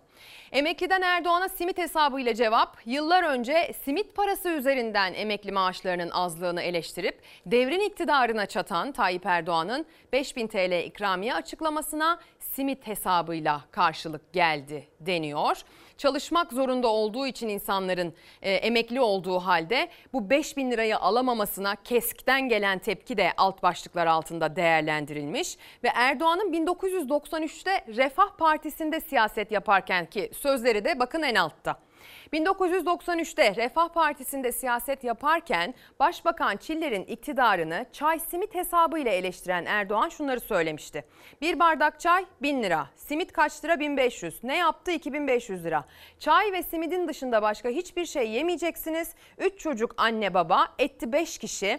5 kere 2500, 12500 lira yapar. 3 öğünde 37500 lira eder. 30 günde 1 milyon 125 lira eder. Asgari ücret net 910 bin lira. Bu zalim yönetim bu aziz millete bir bardak çayla bir simidi bile layık görmüyor. Sözleri tırnak içinde Cumhurbaşkanı Erdoğan'dan alınmış sözler. Hadi madem vaat meselesine bakalım. Yeni Çağ Gazetesi bugün ilk sayfasından genişçe Gazze'ye yer veriyor ama Tabii ki aynı zamanda Yeni Çağ Gazetesi bugün manşetten vaatlerin tutulup tutulmamasına da atıfta bulunmuş. Siz de mesajlarınızda bu atı alan Üsküdar'ı geçti vurgusunu çok yaptınız aklıma geldi. Atı aldı Üsküdar'ı geçti verdiği sözleri unuttu. Cumhurbaşkanı Tayyip Erdoğan'ın seçim öncesi mülakatın kaldırılmasından sığınmacıların dönüşüne, enflasyonda tek haneden yeni evlenen çiftlere faizsiz krediye kadar verdiği vaatlerin akıbeti soruldu deniyor. Uzun akıbetini merak uzun akıbetini merak ettiği Erdoğan'ın verdiği sözleri maddeler halinde sıralıyor. CHP Muğla Milletvekili Cumhur Uzur'un uzunun listesi.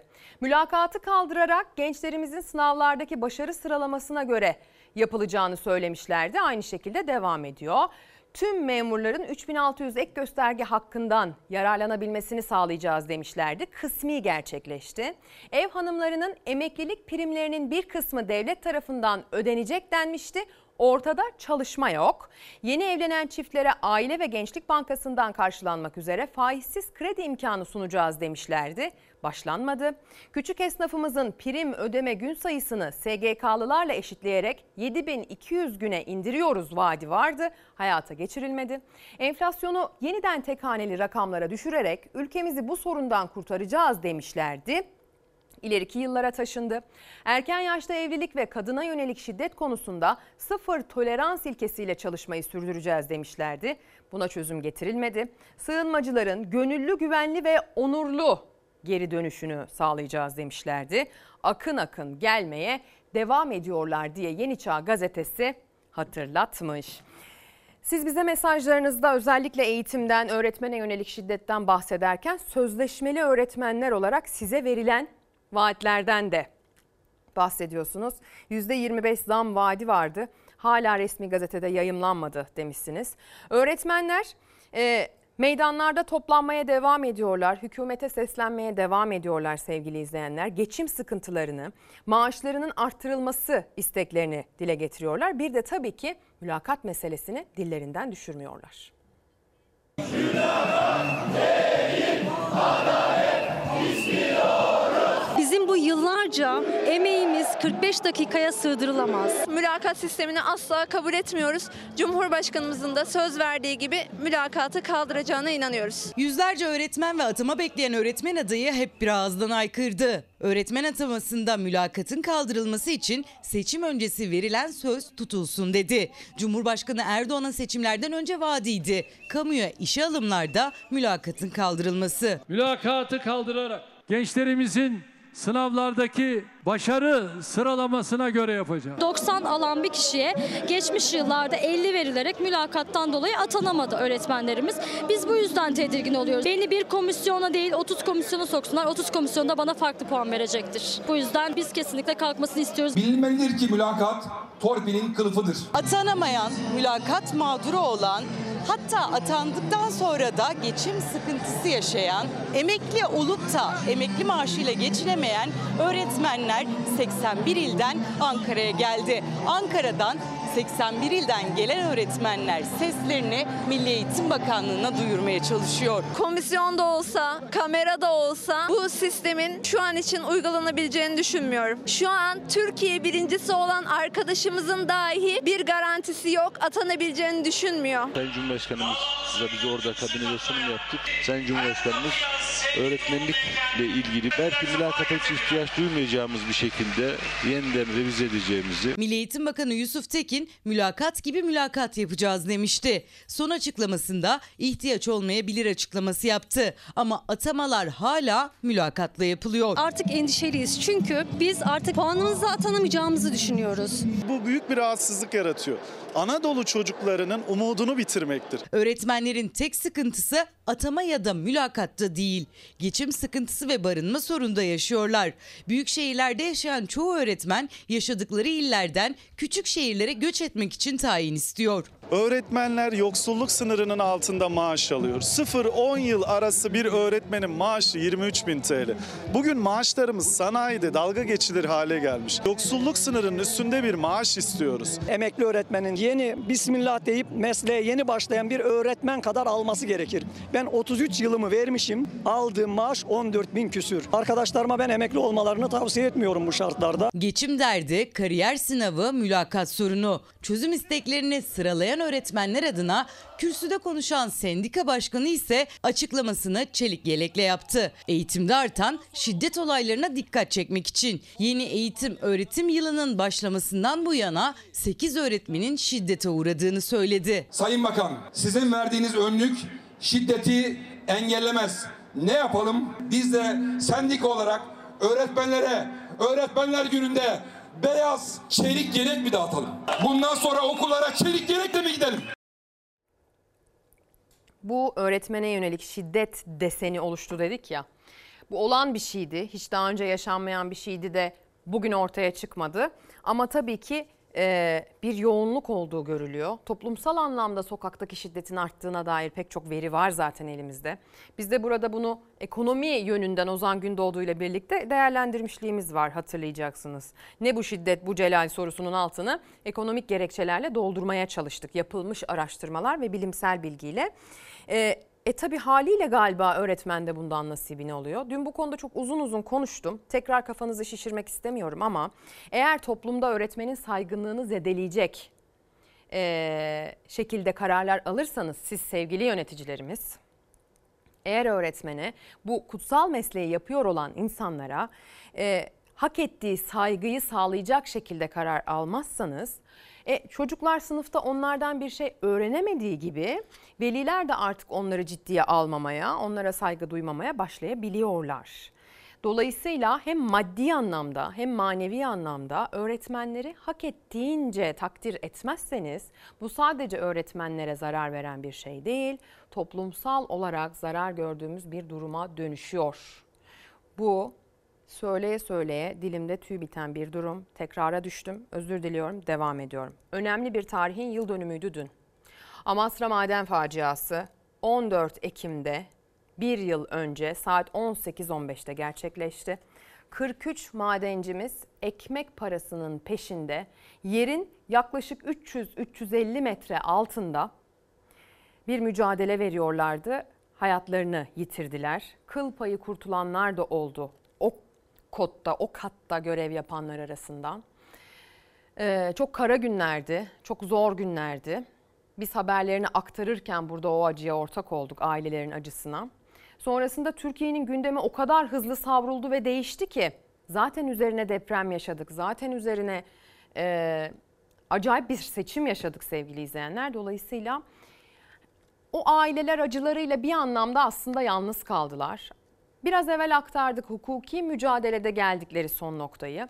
Dün akşam saatlerinde ise orada bir açılış vardı, bir meydan açılışı, bir anıt açılışı.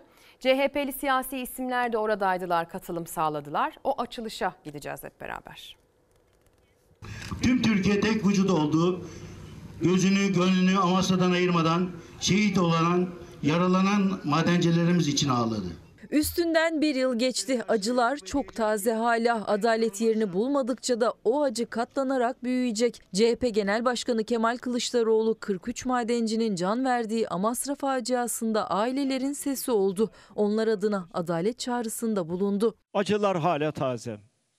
Ve aileler adalet istiyorlar. Adaleti bulmanın yolu yargı dediğimiz mekanizmanın iyi çalışması ve adaletsizliği yaratanların da yargının önüne çıkarılmasıdır. Eğer bunu yapmazsanız adaleti gerçekleştiremezsiniz. Yüreği yanık anneler, aileler adalet istiyorlar. Biz elimizden gelen bütün çabayı gösteriyoruz ve göstermeye de devam edeceğiz. Adalet gerçekleşinceye kadar. Tarihler 14 Ekim 2022'yi gösteriyordu. Bartın'ın Amasra ilçesinde Türkiye Taş Kömürü Kurumu'na ait müessesede patlama meydana geldi. 43 maden işçisi yaşamını yitirdi. CHP heyeti Amasra maden faciasının birinci yıl dönümünde Amasra'daydı. Gündüz aileleri ziyaret eden CHP Genel Başkanı Kılıçdaroğlu, akşam saatlerinde de Amasra'da yapılan madenci anma mekanı ve Cumhuriyet Meydanı'nın açılış törenine katıldı. Kılıçdaroğlu gerçek anlamda sorumluların hala daha yargı önüne çıkarılmadığını söyledi. Yaşadığımız bir acıyı unutmamak ve bir kent için elzem olan bir meydanı Amasralıların hizmetine açmak için bir aradayız. Acılar unutulduğu zaman acıyı yaratan gerekçeyi de unutabiliriz. Acıları unutmadığımız zaman acıları yaratan gerekçeyi ortadan kaldırmak için çaba harcarız. Amasra faciasına ilişkin açılan soruşturmada 7'si tutuklu 23 sanık olası kast ve bilinçli taksirle öldürme suçu işledikleri iddiasıyla yargılanıyor. Davanın dördüncü duruşması 16 Ekim günü yani yarın görülecek. O bölgede yaşayan insanların kaderi adeta madende çalışmak. Daha birkaç gün önce bölgedeki madenler için açılan iş başvurusuna 2000 kişinin alınacağı madenci işçi alımı yapılacak başvuruya 34 bin kişinin başvurduğuna dair bilgiyi aktarmıştık. Bakın bunlara rağmen oradaki insanlar hala ekmeğini yerin metrelerce, yüz metrelerce altında aramak zorunda kalıyorlar. Ee, zor bir meslek. Dünyadaki sıralamalarda zor meslekler anlamında en üst sıralarda geçiyor madenciler. Yani sadece bizim ülkemizde değil dünyada ve dünyaca tanınacak şekilde zor bir meslek madencilik. Üstelik deprem oluyor, enkaz oluyor canların kurtarılması gerekiyor. Bir bakıyorsunuz kendi yöntemleriyle bir sürü can kurtarıyorlar. Oraya gönüllü olarak kendilerini atıyorlar, gidiyorlar. Ee, çok kutsal bir meslek, çok zor bir meslek. Ee, buna göre takdir edilmeleri gerekiyor. Ve bazı bölgelerde de insanların buna kendilerini mecbur hissetmemesi, başka iş imkanlarının ve istihdam alternatiflerinin yaratılması gerekiyor. Tabii e, haberden bağımsız olarak orada CHP'li siyasileri gördüğümüz zaman aklımıza CHP'deki değişim süreci geliyor öyle değil mi? Bir kuplede ondan bahsedelim. Biliyorsunuz geçtiğimiz hafta İstanbul İl Başkanı Özgür Çelik oldu. Kaftancıoğlu'ndan görevi devralacak. Özgür Çelik'in İstanbul İl Başkanı seçilmesinin ardından CHP içindeki değişim isteyenlerin e, umudu arttı. Genel merkezin eskisi kadar rahat olmadığı dile getiriliyor. Hürriyet gazetesinin ilk sayfasında e, bakın Özgür Özel'le ilgili bir detay var. Lider adayı kargoyla gelmez başlığıyla değerlendirilmiş. CHP'de liderliğe aday olan Özgür Özel Hürriyet yazarlarını yanıtladı. Lider adayı çıkacaksa meteorla düşmeyecek, kargodan çıkmayacak. Partinin kendi evlatlarından birisinin iddia koymasıyla olacak dedi. CHP fazla yaşlı ve fazla erkek bir parti olarak öne çıkıyor. Biz partimizi gençleştirmeyi ve daha fazla kadının politika yapıcı olarak kadrolarımızda yer almasını öngörüyoruz. İttifak yapmayıp karşılıklı kaybettirmek harakiri olur. Lider değişiminin bu konuda bir imkan yaratacağı açıktır. Bu da Özgür Özel'in bir sözü. Partimizin ve genel başkanın yaptığı en büyük hataların bir avuç danışmanın verdiği kararlarda yaşandığı çok net görülüyor. Sözleri yine dikkat çekmiş. Seçmen duygusal olarak bizden koptu gidiyor. Evet tebrikler. Değişim olmazsa bir daha oy vermeyeceğim, sandığa gitmeyeceğim diyor demiş Özgür Özel. Bir de duygusal kopuş halindeki seçmenimizi ikna edeceğiz demiş ve bir iddia ortaya koymuş. Yerel seçime daha çok var. Duygu anlamında, seçmen duygusu anlamında bir değişim yaşanacağını da öngörüyor. Özellikle CHP'deki değişimciler ve siyasi isimler göreceğiz. Şimdi barınma krizi diyeceğim. Biliyorsunuz zaten hali hazırda ekonomik anlamda çok ciddi bir barınma krizi bu ülkenin vardı. 6 Şubat depremleriyle birlikte bu kriz yeni bir boyut kazandı. Ee, her zaman kiracı, ev sahibi, mülk sahibi, işte o dükkanı işleten esnaf, kiracısı falan arasındaki böyle anlaşmazlıkları olaylar bazında ekrana taşıyoruz. Bazen sizden tepki aldığımız da oluyor. Ev sahipleri hiç mi mağdur değil diye. Bakın depremzede bir ev sahibinin bu 6 Şubat depreminden sonra yaşadığı bir mağduriyet hikayesi var. Ona bir kulak verelim.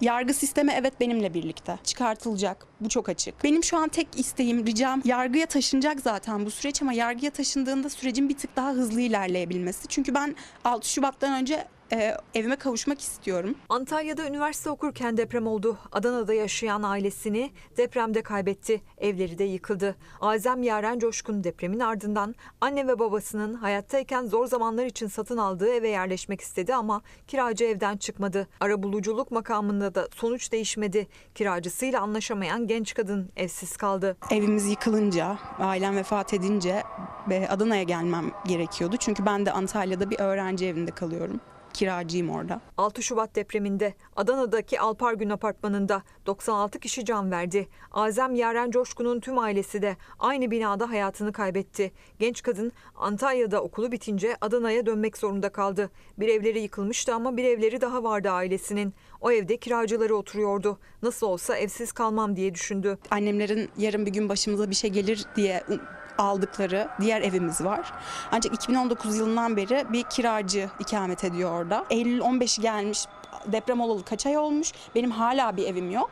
Hanımefendi en son arabulucuda anlaşır diye düşünmüştüm ben açıkçası. Aylarca sabırla bekledi aslında. Kiracısı ise aynı anlayışı göstermedi iddiasına göre. Ben Şubat ayının sonlarına doğru kendisiyle bu konuyu görüştüm. Çıkması gerektiğini çünkü eve benim oturacağımı, çünkü kalacak başka hiçbir yerim olmadığını. Kendisi bir takım sıkıntılardan bahsederek süre istedi. Ben tabii ki de çıkacağım dedi. Temmuz'un e, sonuna kadar e, lütfen dedim hani bir yer bulup çıkarsanız ben çok mutlu olurum. Günü geldiğinde kiracı yine evden çıkmadı. Azem Yaren Coşkun Haziran ayında ihtarname gönderdi. Kiracı evi boşaltmadı. Genç kadın konuyu arabuluculuk makamına taşıdı. Evine yine kavuşamadı. Yargıya taşınacak zaten bu süreç ama yargıya taşındığında sürecin bir tık daha hızlı ilerleyebilmesi. Çünkü ben 6 Şubat'tan önce e, evime kavuşmak istiyorum. Azem Yaren Coşkun depremin yıl dönümünden önce evine kavuşabilmek istiyor. Enkazdan eşya buldum ben kendi evime ait kocaman evimizden. E, bir odanın yarısı çeyreği etmeyecek kadar eşya ellerimle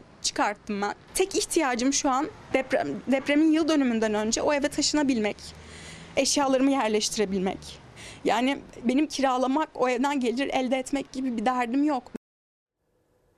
Kaldı ki o evden gelir elde etmek gibi derdi olup da mağdur olan ev sahipleri de var. Emekli bir de ekstradan bir kirası var. Zamanında dişinden tırnağından arttırıp aldığı evinden eline geçen. Ama öyle bir durumda ki kiracısını çıkaramadığı için mağdur oluyor. Devam edeceğiz. Aktaracak daha çok haberimiz var ama bir reklam mecburiyeti. Çay kahveyi tazeleyip buluşalım. Günaydın sevgili izleyenler. Bir kez daha ekran başına Fox'a Çalar Saat'e hoş geldiniz. Çalar Saat hafta sonunda kaldığımız yerden haberlerimizi aktarmayı sürdürüyoruz. Geçtiğimiz bloklarda, geçtiğimiz bölümlerde, kısımlarda size İsrail ve Gazze durumundan çokça bahsettik, haberleri aktardık. Konuyla ilgili yapılmış resmi açıklamaları, en güncel bilgileri ekrana taşımaya gayret ettik sevgili izleyenler. E, tabii saat saat çalış çatışmayı, saat saat durumu takip etmek gerekiyor. Aralıksız süren yoğun bombardımanın 9. gününde toplam 2329 kişinin öldüğü, 9042 kişinin yaralandığı bilgisini aktaralım. Gazze'deki Sağlık Bakanlığı'ndan yapılan yazılı açıklamayla bu bilgi aktarıldı. İsrail'in Gazze'ye düzenlediği saldırılarda 114 Filistinli daha yaşamını yitirdi dendi sabah erken saatlerde. Bir de tabii ki e, Sağlık Bakanlığı üzerinden bir veri verildi. Filistin'den, Sağlık Bakanlığı sözcüsünden yine resmi bir bilgidir. Sadece son 24 saatte çoğu kadın ve çocuk olmak üzere 300 kişinin İsrail saldırılarında can kaybettiği öldüğü bilgisi aktarıldı. Ee, en sıcak gelişmelere baktığımızda Birleşik Arap Emirlikleri'ne bağlı haber kaynakları aktarıyorlar. Diyorlar ki Blinken'la görüştük, Amerika ile görüştük ve e, oraya bir insani yardım koridoru açılması konusunda aşama kaydetmeye gayret ediyoruz diyorlar. Konuya dair bilgiler sürekli güncelleniyor. Özellikle teyitli bilgileri ekrana taşımayı e, biliyorsunuz bir kural kabul ediyoruz. Temel kuralımız olarak hep de lanse ediyoruz. Hadi gelin bakalım bir de hastanelerin durumuna, çocukların durumuna, anne babaların acısına bakalım sevgili izleyenler. Morglarda yer kalmadı başlığıyla bugün e, bu duruma yer veriyor Pencere Gazetesi genişçe ilk sayfadan. BBC muhabiri Gazze'deki El Şifa Hastanesi'ndeki durumu cesetler hastanenin dışında yerde duruyor. Morgun buzdolapları hepsine yetmediği için koridorlar ve avlular yüzlerce cesetle dolu diyerek anlattı. Morglar yetmediği için soğutmalı dondurma araçları morg olarak kullanılmaya başlanmış ve yapılan resmi açıklamalara göre İsrail saldırılarında ölenlerin sayısı 1900'ü geçti demiş Pencere gazetesi ve yine savaşın en büyük mağdurunun en masumlar olduğunu aktaran fotoğraflar, bebeklerin, çocukların durumu. Savaşın en büyük mağduriyetini önce onlar, sonra kadınlar, yaşlılar, hastalar yaşıyorlar sevgili izleyenler. Hadi gelin çocukların dondurma satın alması için, dondurma yiyip mutlu olması için üretilmiş araçlardaki çocuk bedenlerini görelim.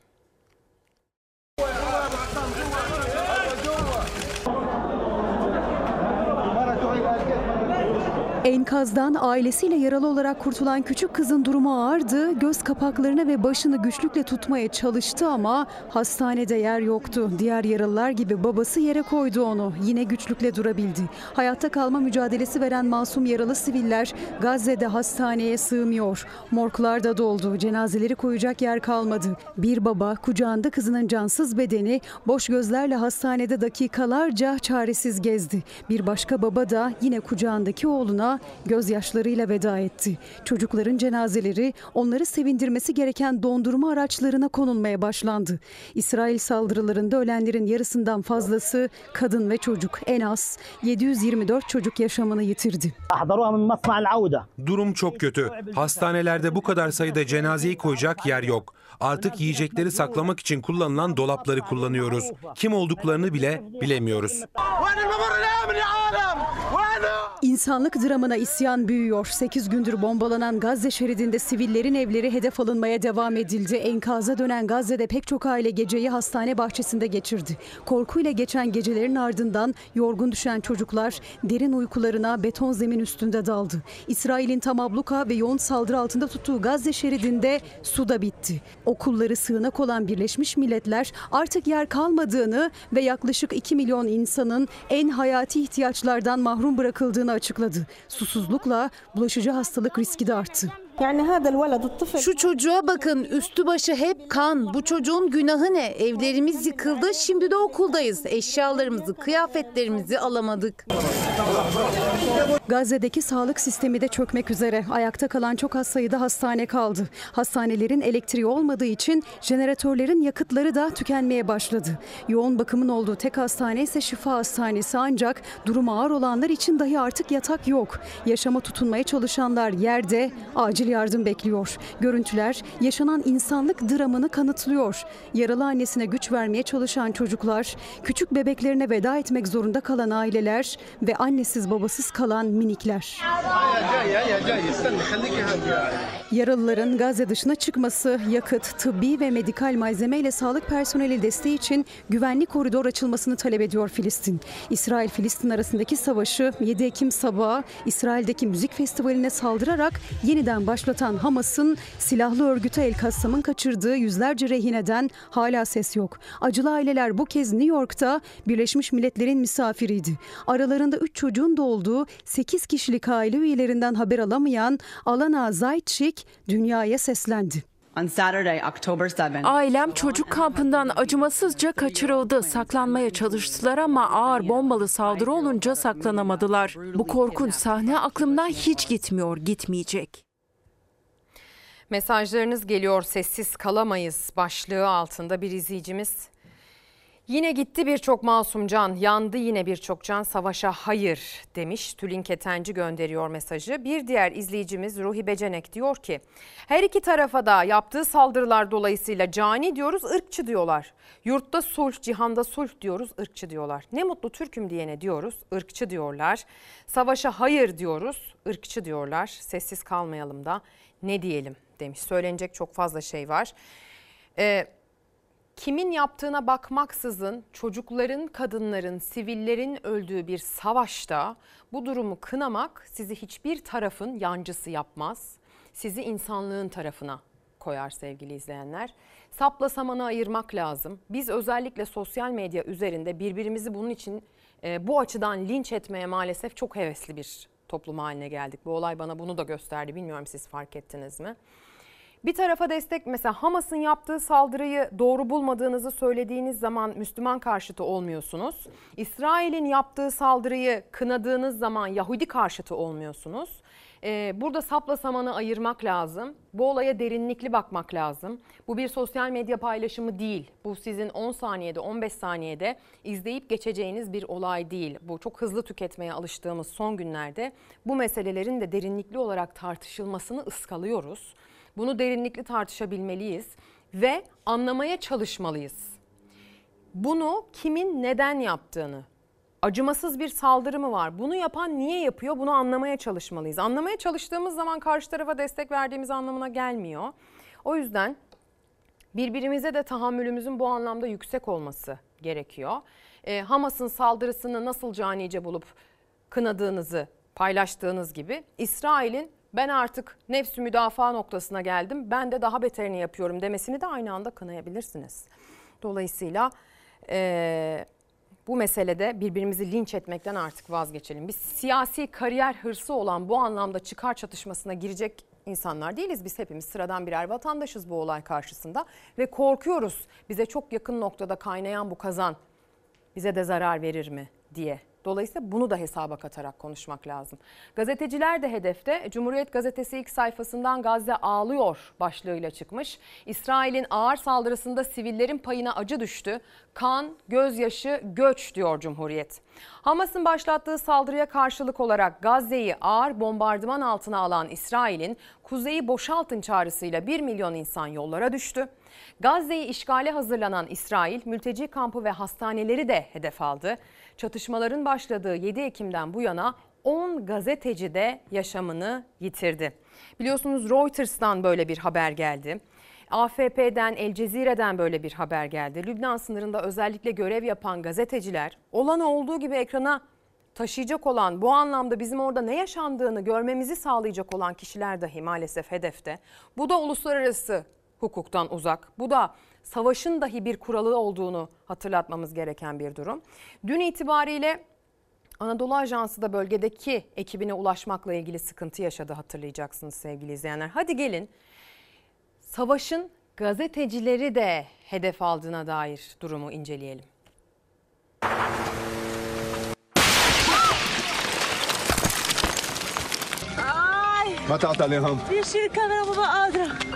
Lübnan sınırında çatışmaları görüntüleyen gazeteciler İsrail tankının hedefi oldu. Biri hayatını kaybetti, altısı yaralandı. Birleşmiş Milletler soruşturma istedi. İsrail ordusu çok üzgünüz dedi. Orta Doğu'da tansiyon yüksek. Gözler sadece İsrail-Hamas savaşında değil, İsrail-Lübnan arasında da her an bir savaş çıkabilir.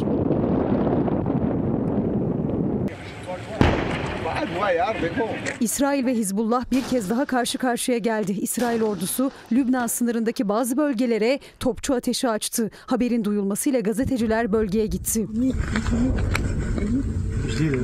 Başlarında kaskları, üzerinde basın yazan çelik yeleklerini giymişlerdi. Bir duvarın ardında çekim yaparken İsrail tankı hedef gözeterek ateş açtı. Kamera o anda kayıttaydı. Patlamanın şiddetiyle gazeteciler dört bir yana savruldu. Araçlarında yangın çıktı.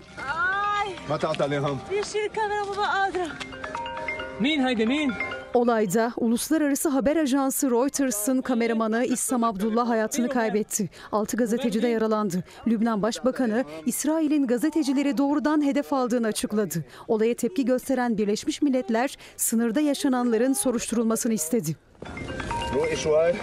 İsrail saldırılarında bir gazeteci de Gazze'de hayatını kaybetti. Libya'da bir televizyon kanalı adına çatışmaları takip eden Enam Advan bombardımanda öldü. İsrail Hamas çatışmalarının başladığı 7 Ekim'den bu yana hayatını kaybeden gazetecilerin sayısı ona yükseldi. Şu ana kadar 16 gazeteci yaralanırken 2 gazeteciden de hala haber alınamıyor. Çoluğu, çocuğu, kadını gözü görmeyen, hastaneleri dahi boşaltmaya mecbur eden, cihaza bağlı hastaların varlığından haberdar olduğu halde, küvezlerde bebeklerin olduğunu bildiği halde elektrik kesen ve bütün insani ihtiyaçları sıfırlayan bir taraf gazetecinin gözün yaşına bakmıyor tabii ki. Yani bu anlamda da tüm hukuk yerle bir edilmiş durumda. Bölgedeki gelişmeleri an be an takip etmeyi bütün haber merkezi olarak sürdürüyoruz sevgili izleyenler. Oradan gelecek her haberi ekrana sıcak sıcak taşımak niyetiyle. Şimdi yurdun içerisine dönelim. Sizi Şişli'ye götüreceğim İstanbul'da. Şişli'de alacak verecek meselesi dolayısıyla bir güzellik merkezi husumetli kişi tarafından adeta baskına uğradı. O görüntüler gelecek ekrana. Çok böyle şey sesler geldi. Sanki silah patlatıyormuş gibi öyle bir sesler oldu. Biz tabii dışarıya fırladık. Güzellik merkezini bastı. Elindeki demirle içeride ne varsa kırıp döktü. İş yeri sahibinin büyük korku yaşadığı o anları güvenlik kamerası kaydetti. İstanbul Şişli'de Selahattin O, Zühre Ağa'nın sahibi olduğu güzellik merkezini bastı. İddiaya göre neden alacak verecek meselesiydi. İş yeri sahibine hakaretler savuran adam elindeki demirle iş yerindeki eşyaları kırıp parçaladı. Sonra da gitti. İçeriye giren iki şahıs gayet düzgün giyimli, gayet tertemiz. Hayatta hani böyle bir şey yapacağını düşünmeyeceğiniz tipte insanlar. Korku dolanlar yaşayan iş yeri sahibinin yanına esnaf arkadaşları koştu. Selahattin oysa polis tarafından yakalanarak gözaltına alındı.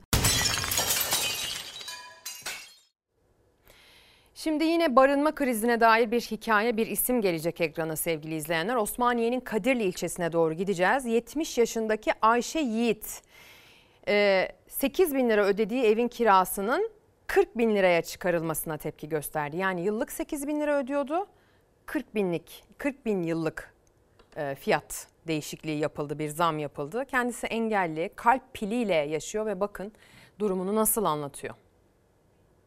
70 yaşındayım ben. Pille yaşayayım. 3 sene oldu evi tutalı. Ya çıkacaksın ya 40 milyarı vereceksin dedi. Bu sene de 2 milyar verim. Aydan aya dedim. Kabul etmedi. Geçen sene 8'e tuttuk. Peşin saydım pançasını. Bu sene 40 ediyor. Benim durumum yok. Pille yaşayayım. Hastayım. Pil duruverse gideceğim. Kulakta duymuyor.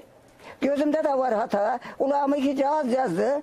Onda para bulup alamadık. Kaymakamlığa gitti. Dövme düşüp giden olmadı. 2 milyarı 200 mü ne geçiyor? Ev ya çıkacaksın dedi ya 40 milyar ödeyeceksin. Dünden de 3 milyara saydı aylık. Aydan aya ver dedi. Ben de durumum yok veremem. 15'i 20'yi kabul etmeyi. Kalmış mı 15-20 milyar dedi. Şimdiki şu durumda dedi. Paramı da vermezsen çık dedi. Ben de bunu kavuşturamayayım. Yok. Para yok. Para yok, imkan yok. Ülkenin yaşlı nüfusu giderek büyüyor. Ülkenin yaşlı nüfusunun geliri giderek küçülüyor. Alım gücü, e, maddi gücü giderek azalıyor. E, dolayısıyla bu yaşlıların e, stratejik olarak varlığının daha kaliteli bir hale getirilebilmesi için, kalan ömürlerinin daha iyi olması için ve ülkenin de bu anlamda ekonomik gidişatını şekillendirmek için onlar için ayrı bir kurum kuruluş, onlar için ayrıca düşünecek birileri, uzmanlar olmamalı mı? Bunu, bu anlamda bu ülkenin stratejisi nedir? Bu soruyu sorarak veda edelim. Bir de kiracıya dair veriyoruz böyle haberler. Bakın bir ev sahibi de Candan Hanım bir mesaj göndermiş. Merhaba Ezgi Hanım ev sahipleri gerçekten müzdarip. Bizim kiracı da kirası cüzi bir rakamdı. Yükseltmek istedik kabul etmedi. Güya rahmetli babam demiş ki sen kirayı yükseltmeden devamlı süre otur. Biz de yok öyle bir şey dedik. Çıkmasını istedik. Biz böyle deyince dükkanımızı yaktı diyor kiracı için. Tabii bir iddiadır. Candan Hanım'ın bir iddiasıdır bu. Ee, ama hani %25 üst sınır da hani 30 evi olana da uygulanıyor. Tek bir evi olana da uygulanıyor ya. O noktada da ev sahipleri ciddi anlamda sıkıntı yaşıyorlar. Madem insanların borcundan parasının olmamasından bahsettik. Şimdi o zaman ortaya çıkan bu borçluluk meselesinden de bahsedelim.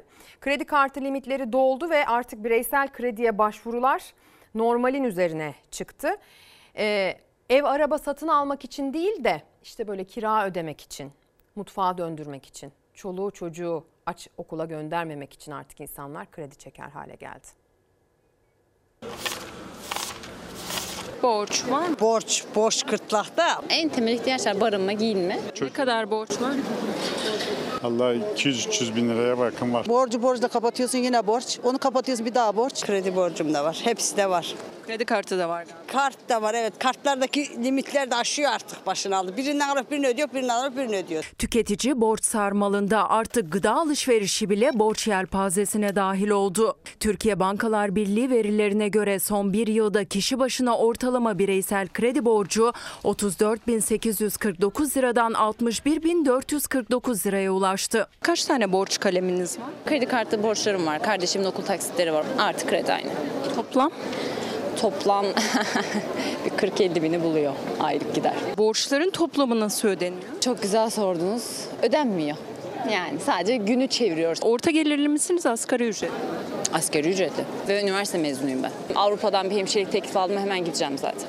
Var mı başvurular? Var Almanya. Ben diyaliz hemşiresiyim. Mesleğimi de yapamıyorum. Türkiye Bankalar Birliği Risk Merkezi 2023 Ağustos ayı verilerini açıkladı. Kredi kullananların sayısı da kullanılan borç miktarı da arttı. Bireysel kredi borcu olanların sayısı bir yılda 1 milyon 859 bin kişi artarak 38 milyon 880 bin kişiye ulaştı. Borcun miktarı ise yıllık %85,2 artışla 2 trilyon 389 milyar liraya ulaştı. Altından kalkabildiğinizi düşünüyor musunuz? Ezilerek kalkıyoruz. Suyumuz çıka çıka. Gıda işini karttan yapıyoruz. Yeni kredi alma ihtimali sıfır. Ne kadar faizler hiç baktınız mı? 4, 3,5, 4,5. Ben çektiğimde en fazla, en yüksek çektiğimde 2,30'du. Eskidendi. Krediler ev, araba, yazlık gibi büyük şeyler için çekiliyordu. Bugün ise başta gıda, geçim gibi en temel ihtiyaçlar için çekiliyor. Geçinebilmek için çekilen kredilerin artışı bir yılda neredeyse iki katına ulaştı. Borç gibi kredi faizleri de yükseldi. Ortalama kredi faizleri aylık 3,5'tan başlıyor. Örneğin 12 aylık vadeyle 100 bin lira ihtiyaç kredisi çeken bir kişinin aylık ödemesi gereken taksit tutarı 10.827 lira. 100 bin liralık kredinin geri ödenecek toplam tutarı ise 130 bin lira. Banka borcunuz var mı? Evet. Kredi borcu. Evet. Ne için çektik? İhtiyaç için çektim. Ya Öde, ödemeye çalışıyorum şu hayat koşullarında. İhtiyaçtan kastımız nedir? Yani bireysel ihtiyaçlarımız, işte çocuğum var küçük. E, Yeri geliyor sağlık için kullanıyoruz. Yeri geliyor evin ihtiyaçları için kullanıyoruz. Yani borçlarımızı ödemek için. Kredi kartlarının durumu nedir? Yani hiç sormayın. Kredi faizlerinden haberiniz var mı? Çok yüksek. 4,5'un üzerine çıktı. Mecburiyetten zorda kalınca ne yapacaksınız? Kimsenin kapısını çalamıyorsunuz. En iyi gene bankaya. Kimse borç istenecek durumda değil ki zaten. Herkesin bu anlamda yaşadığı kendi cüzdanına, bütçesine, yaşam standardına, mesleğine, maaşına göre bir sıkıntı var. Borç istemek eskisinden çok daha zor hale geldi. Hal böyle olunca bankanın kapısını çalıyorsun. Faizini öderim de hani müdana etmem diyorsun. Minnet etmem diyorsun. Hal böyle olunca böyle sorunlar büyüyor. Bugün Adana'da güzel bir yağmurla başlamış gün. Ee, ilk etapta ilk e, blok dememek istiyorum aslında sürekli ağzımdan o çıkıyor. İlk bölümümüzde e, aktarmıştık efendim bugün itibariyle Akdeniz bölgesinde hava yağmurlu olacak. Akdeniz bölgesindeki bu yağmurlu hava Ege'nin iç kesimlerine de ulaşacak. İç Batı Anadolu dediğimiz kesme. E sonrasında İç Doğu Anadolu ve Doğu Anadolu'da bu yağıştan nasiplenecek ve Güneydoğu Anadolu bölgesi de. Yaptığımız uyarı da şuydu bu vesileyle hatırlatalım. Nazan Kara Karakış Kaya göndermiş Adana'dan mesajı. Ee, deprem bölgesi civarında kuvvetli sağanak yağış riski var. Dolayısıyla özellikle e, Kahramanmaraş, Osmaniye, Hatay gibi Gaziantep, Şanlıurfa, Malatya, Tunceli o bölge yağışlı olacak. Burada özellikle depremzede olup da mağduriyet yaşayanları yöneticiler korusun kollasın demiştik. Geçen yağmurda yaşananları hatırlayarak. Adana'daki bu e, yağmur anladığım kadarıyla mağduriyet yaratacak boyutta değil.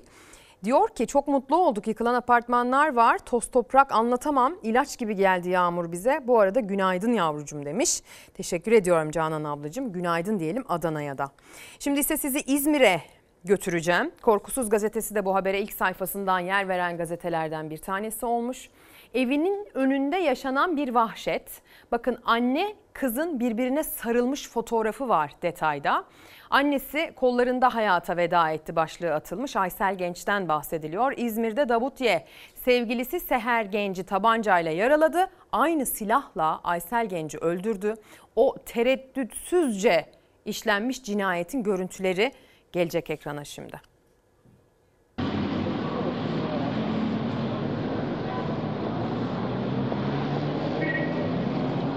Kurşunlardan birbirlerini korumak için sarılıp yere oturdu anne kız. Ama Cani vazgeçmedi eyleminden. Dini nikahla birlikte yaşadığı kadını yaraladı. 62 yaşındaki annesini öldürdü.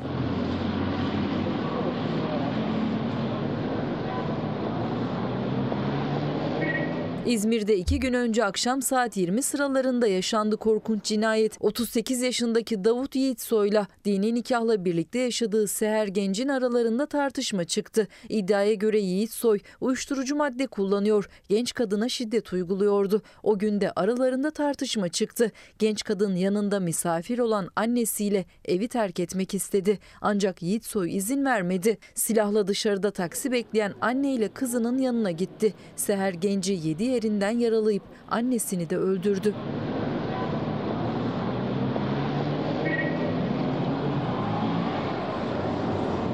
Yakalanan Davut Yiğitsoy tutuklandı. İfadesinde ise tabanca yanlışlıkla ateş aldı dedi. Biz sanığın en ağır şekilde cezalandırılması için elimizden gelen hukuki desteği sağlıyoruz. Ordu Ünye'de de bir kadın şehirler arası otobüs terminalinde eski eşi tarafından tabancayla vurularak yaralandı. Göğüs ve omuz bölgesinden yaralanan Yasemin Orhan hastanede tedavi altına alındı. Onu vuran eski eşi ise yakalanamadı.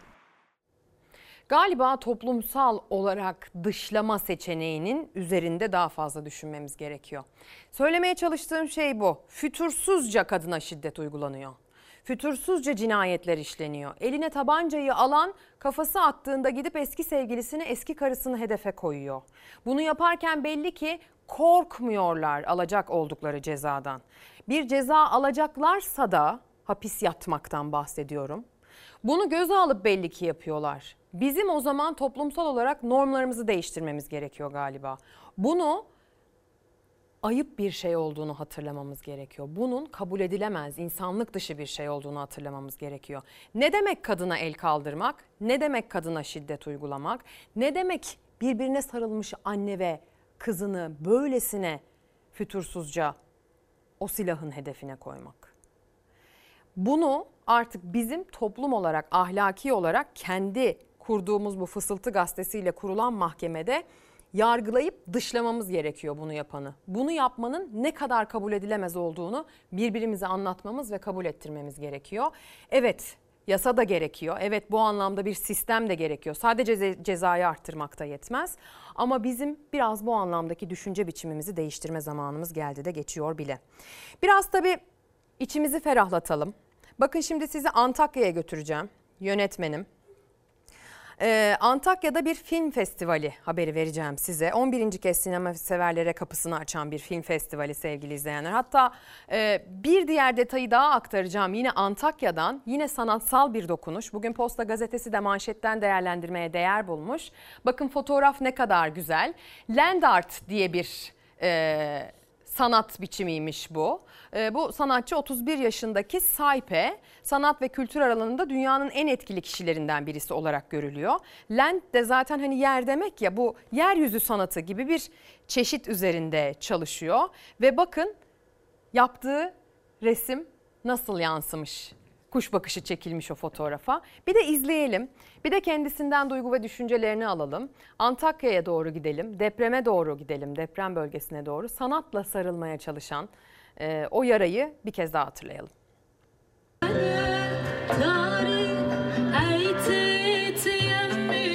Bir şehir yeniden nefes alabilsin diye, yaralar sinemayla sanatla bir parça da olsa kapansın diye, yaşamını yitiren on binlerin acısıyla ama umudu da hep koruyarak depremin vurduğu Hatay'da Uluslararası Antakya Film Festivali 11. kez merhaba dedi.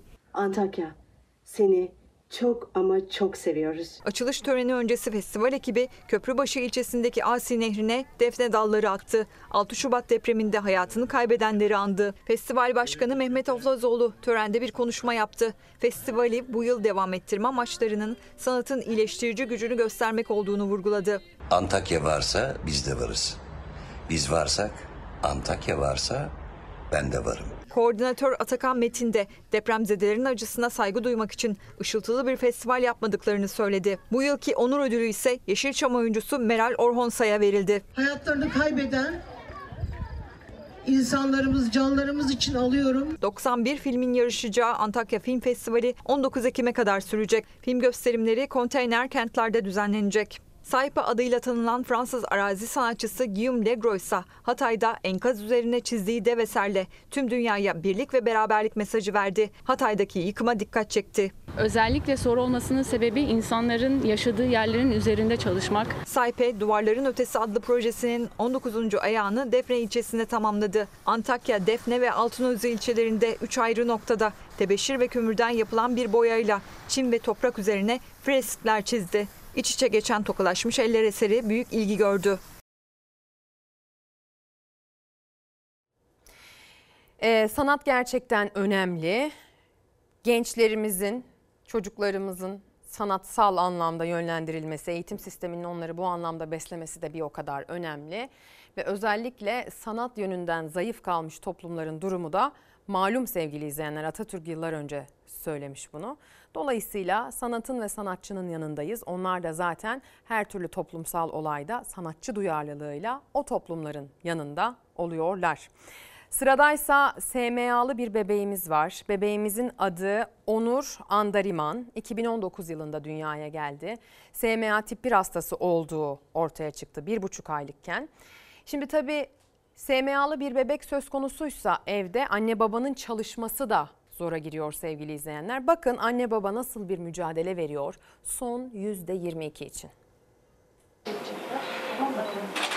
Her dakikamız onurla olmak zorunda. Çünkü evladımızı her an kaybedebiliriz. Her an kaybetme korkusuyla geçiyor geceleri gündüzleri. SMA hastası Onur'un gen tedavisine kavuşabilmesi için kampanyasının kalan %22'lik diliminin tamamlanması gerekiyor. En büyük hayalim ailece e, evlatlarımı böyle gezdirip e, onu parka götürüp yani onun yediğini içtiğini görmek, rahat bir nefes alması benim en büyük hayalim bu bir anne olarak. Ee, sadece evladımızın yaşamasını istiyoruz biz. Yani çok bir şey istemiyoruz. Her bebeğin hakkı olduğu gibi su içsin, nefes alsın. Ee, bir çikolatanın tadını varabilsin istiyorum evladımın. Sultan ve Emrah Andariman çifti 2019 yılında dünya evine girdi. Çiftin ikinci çocuğu Onur 20 günlükken koronavirüs testi pozitif çıktı. Motor hareketlerinin eksikliğinden şüphelenen doktor SMA olabileceği şüphesiyle Onur bebekten tarama istedi. Bebeğe SMA tip 1 teşhisi konuldu. Aile SMA tedavisini karşılayacak maddi güce sahip değil. Antalya Valiliğine başvurdular. Yardım toplamak için resmi hesap açtırdılar. Türkiye çapında duyurulan kampanyaya hayırseverler destek oldu. 4 yaşında da bir ablası var. Ona da yetemiyorum. Sağlıklı evladıma da yetemiyorum. Maalesef ki hasta evladıma da yetemiyorum bir anne olarak. Baba Emrah Handariman gündelik iş bulursa çalışıyor. Çöplerden geri dönüşebilir atık topluyor. Kazandığı ancak evin giderlerine yetiyor. Kampanyasının %78'i tamamlanan Onur bebeğin %22'lik eksiği kaldı. Aile bu hastalık nedeniyle çocuklarını kaybetmek istemiyor, destek bekliyor. Gözlerimizi kaçırmayalım SMA'lı bebeklerden sevgili izleyenler. Onların bizim desteğimize ihtiyaçları var. Buna dair bir sistemsel destek olmadığı için. Şimdi reklam sonra söyleyecek son bir söz için karşınızda olacağız.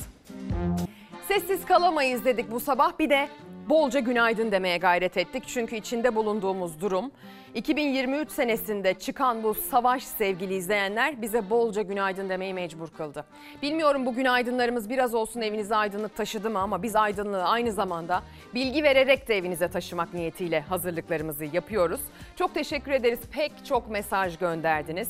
Sessiz kalamayız dediğiniz ne çok farklı konu başlığı varmış. Buna birlikte şahitlik ettik. Hepsi için teker teker teşekkürler sunalım.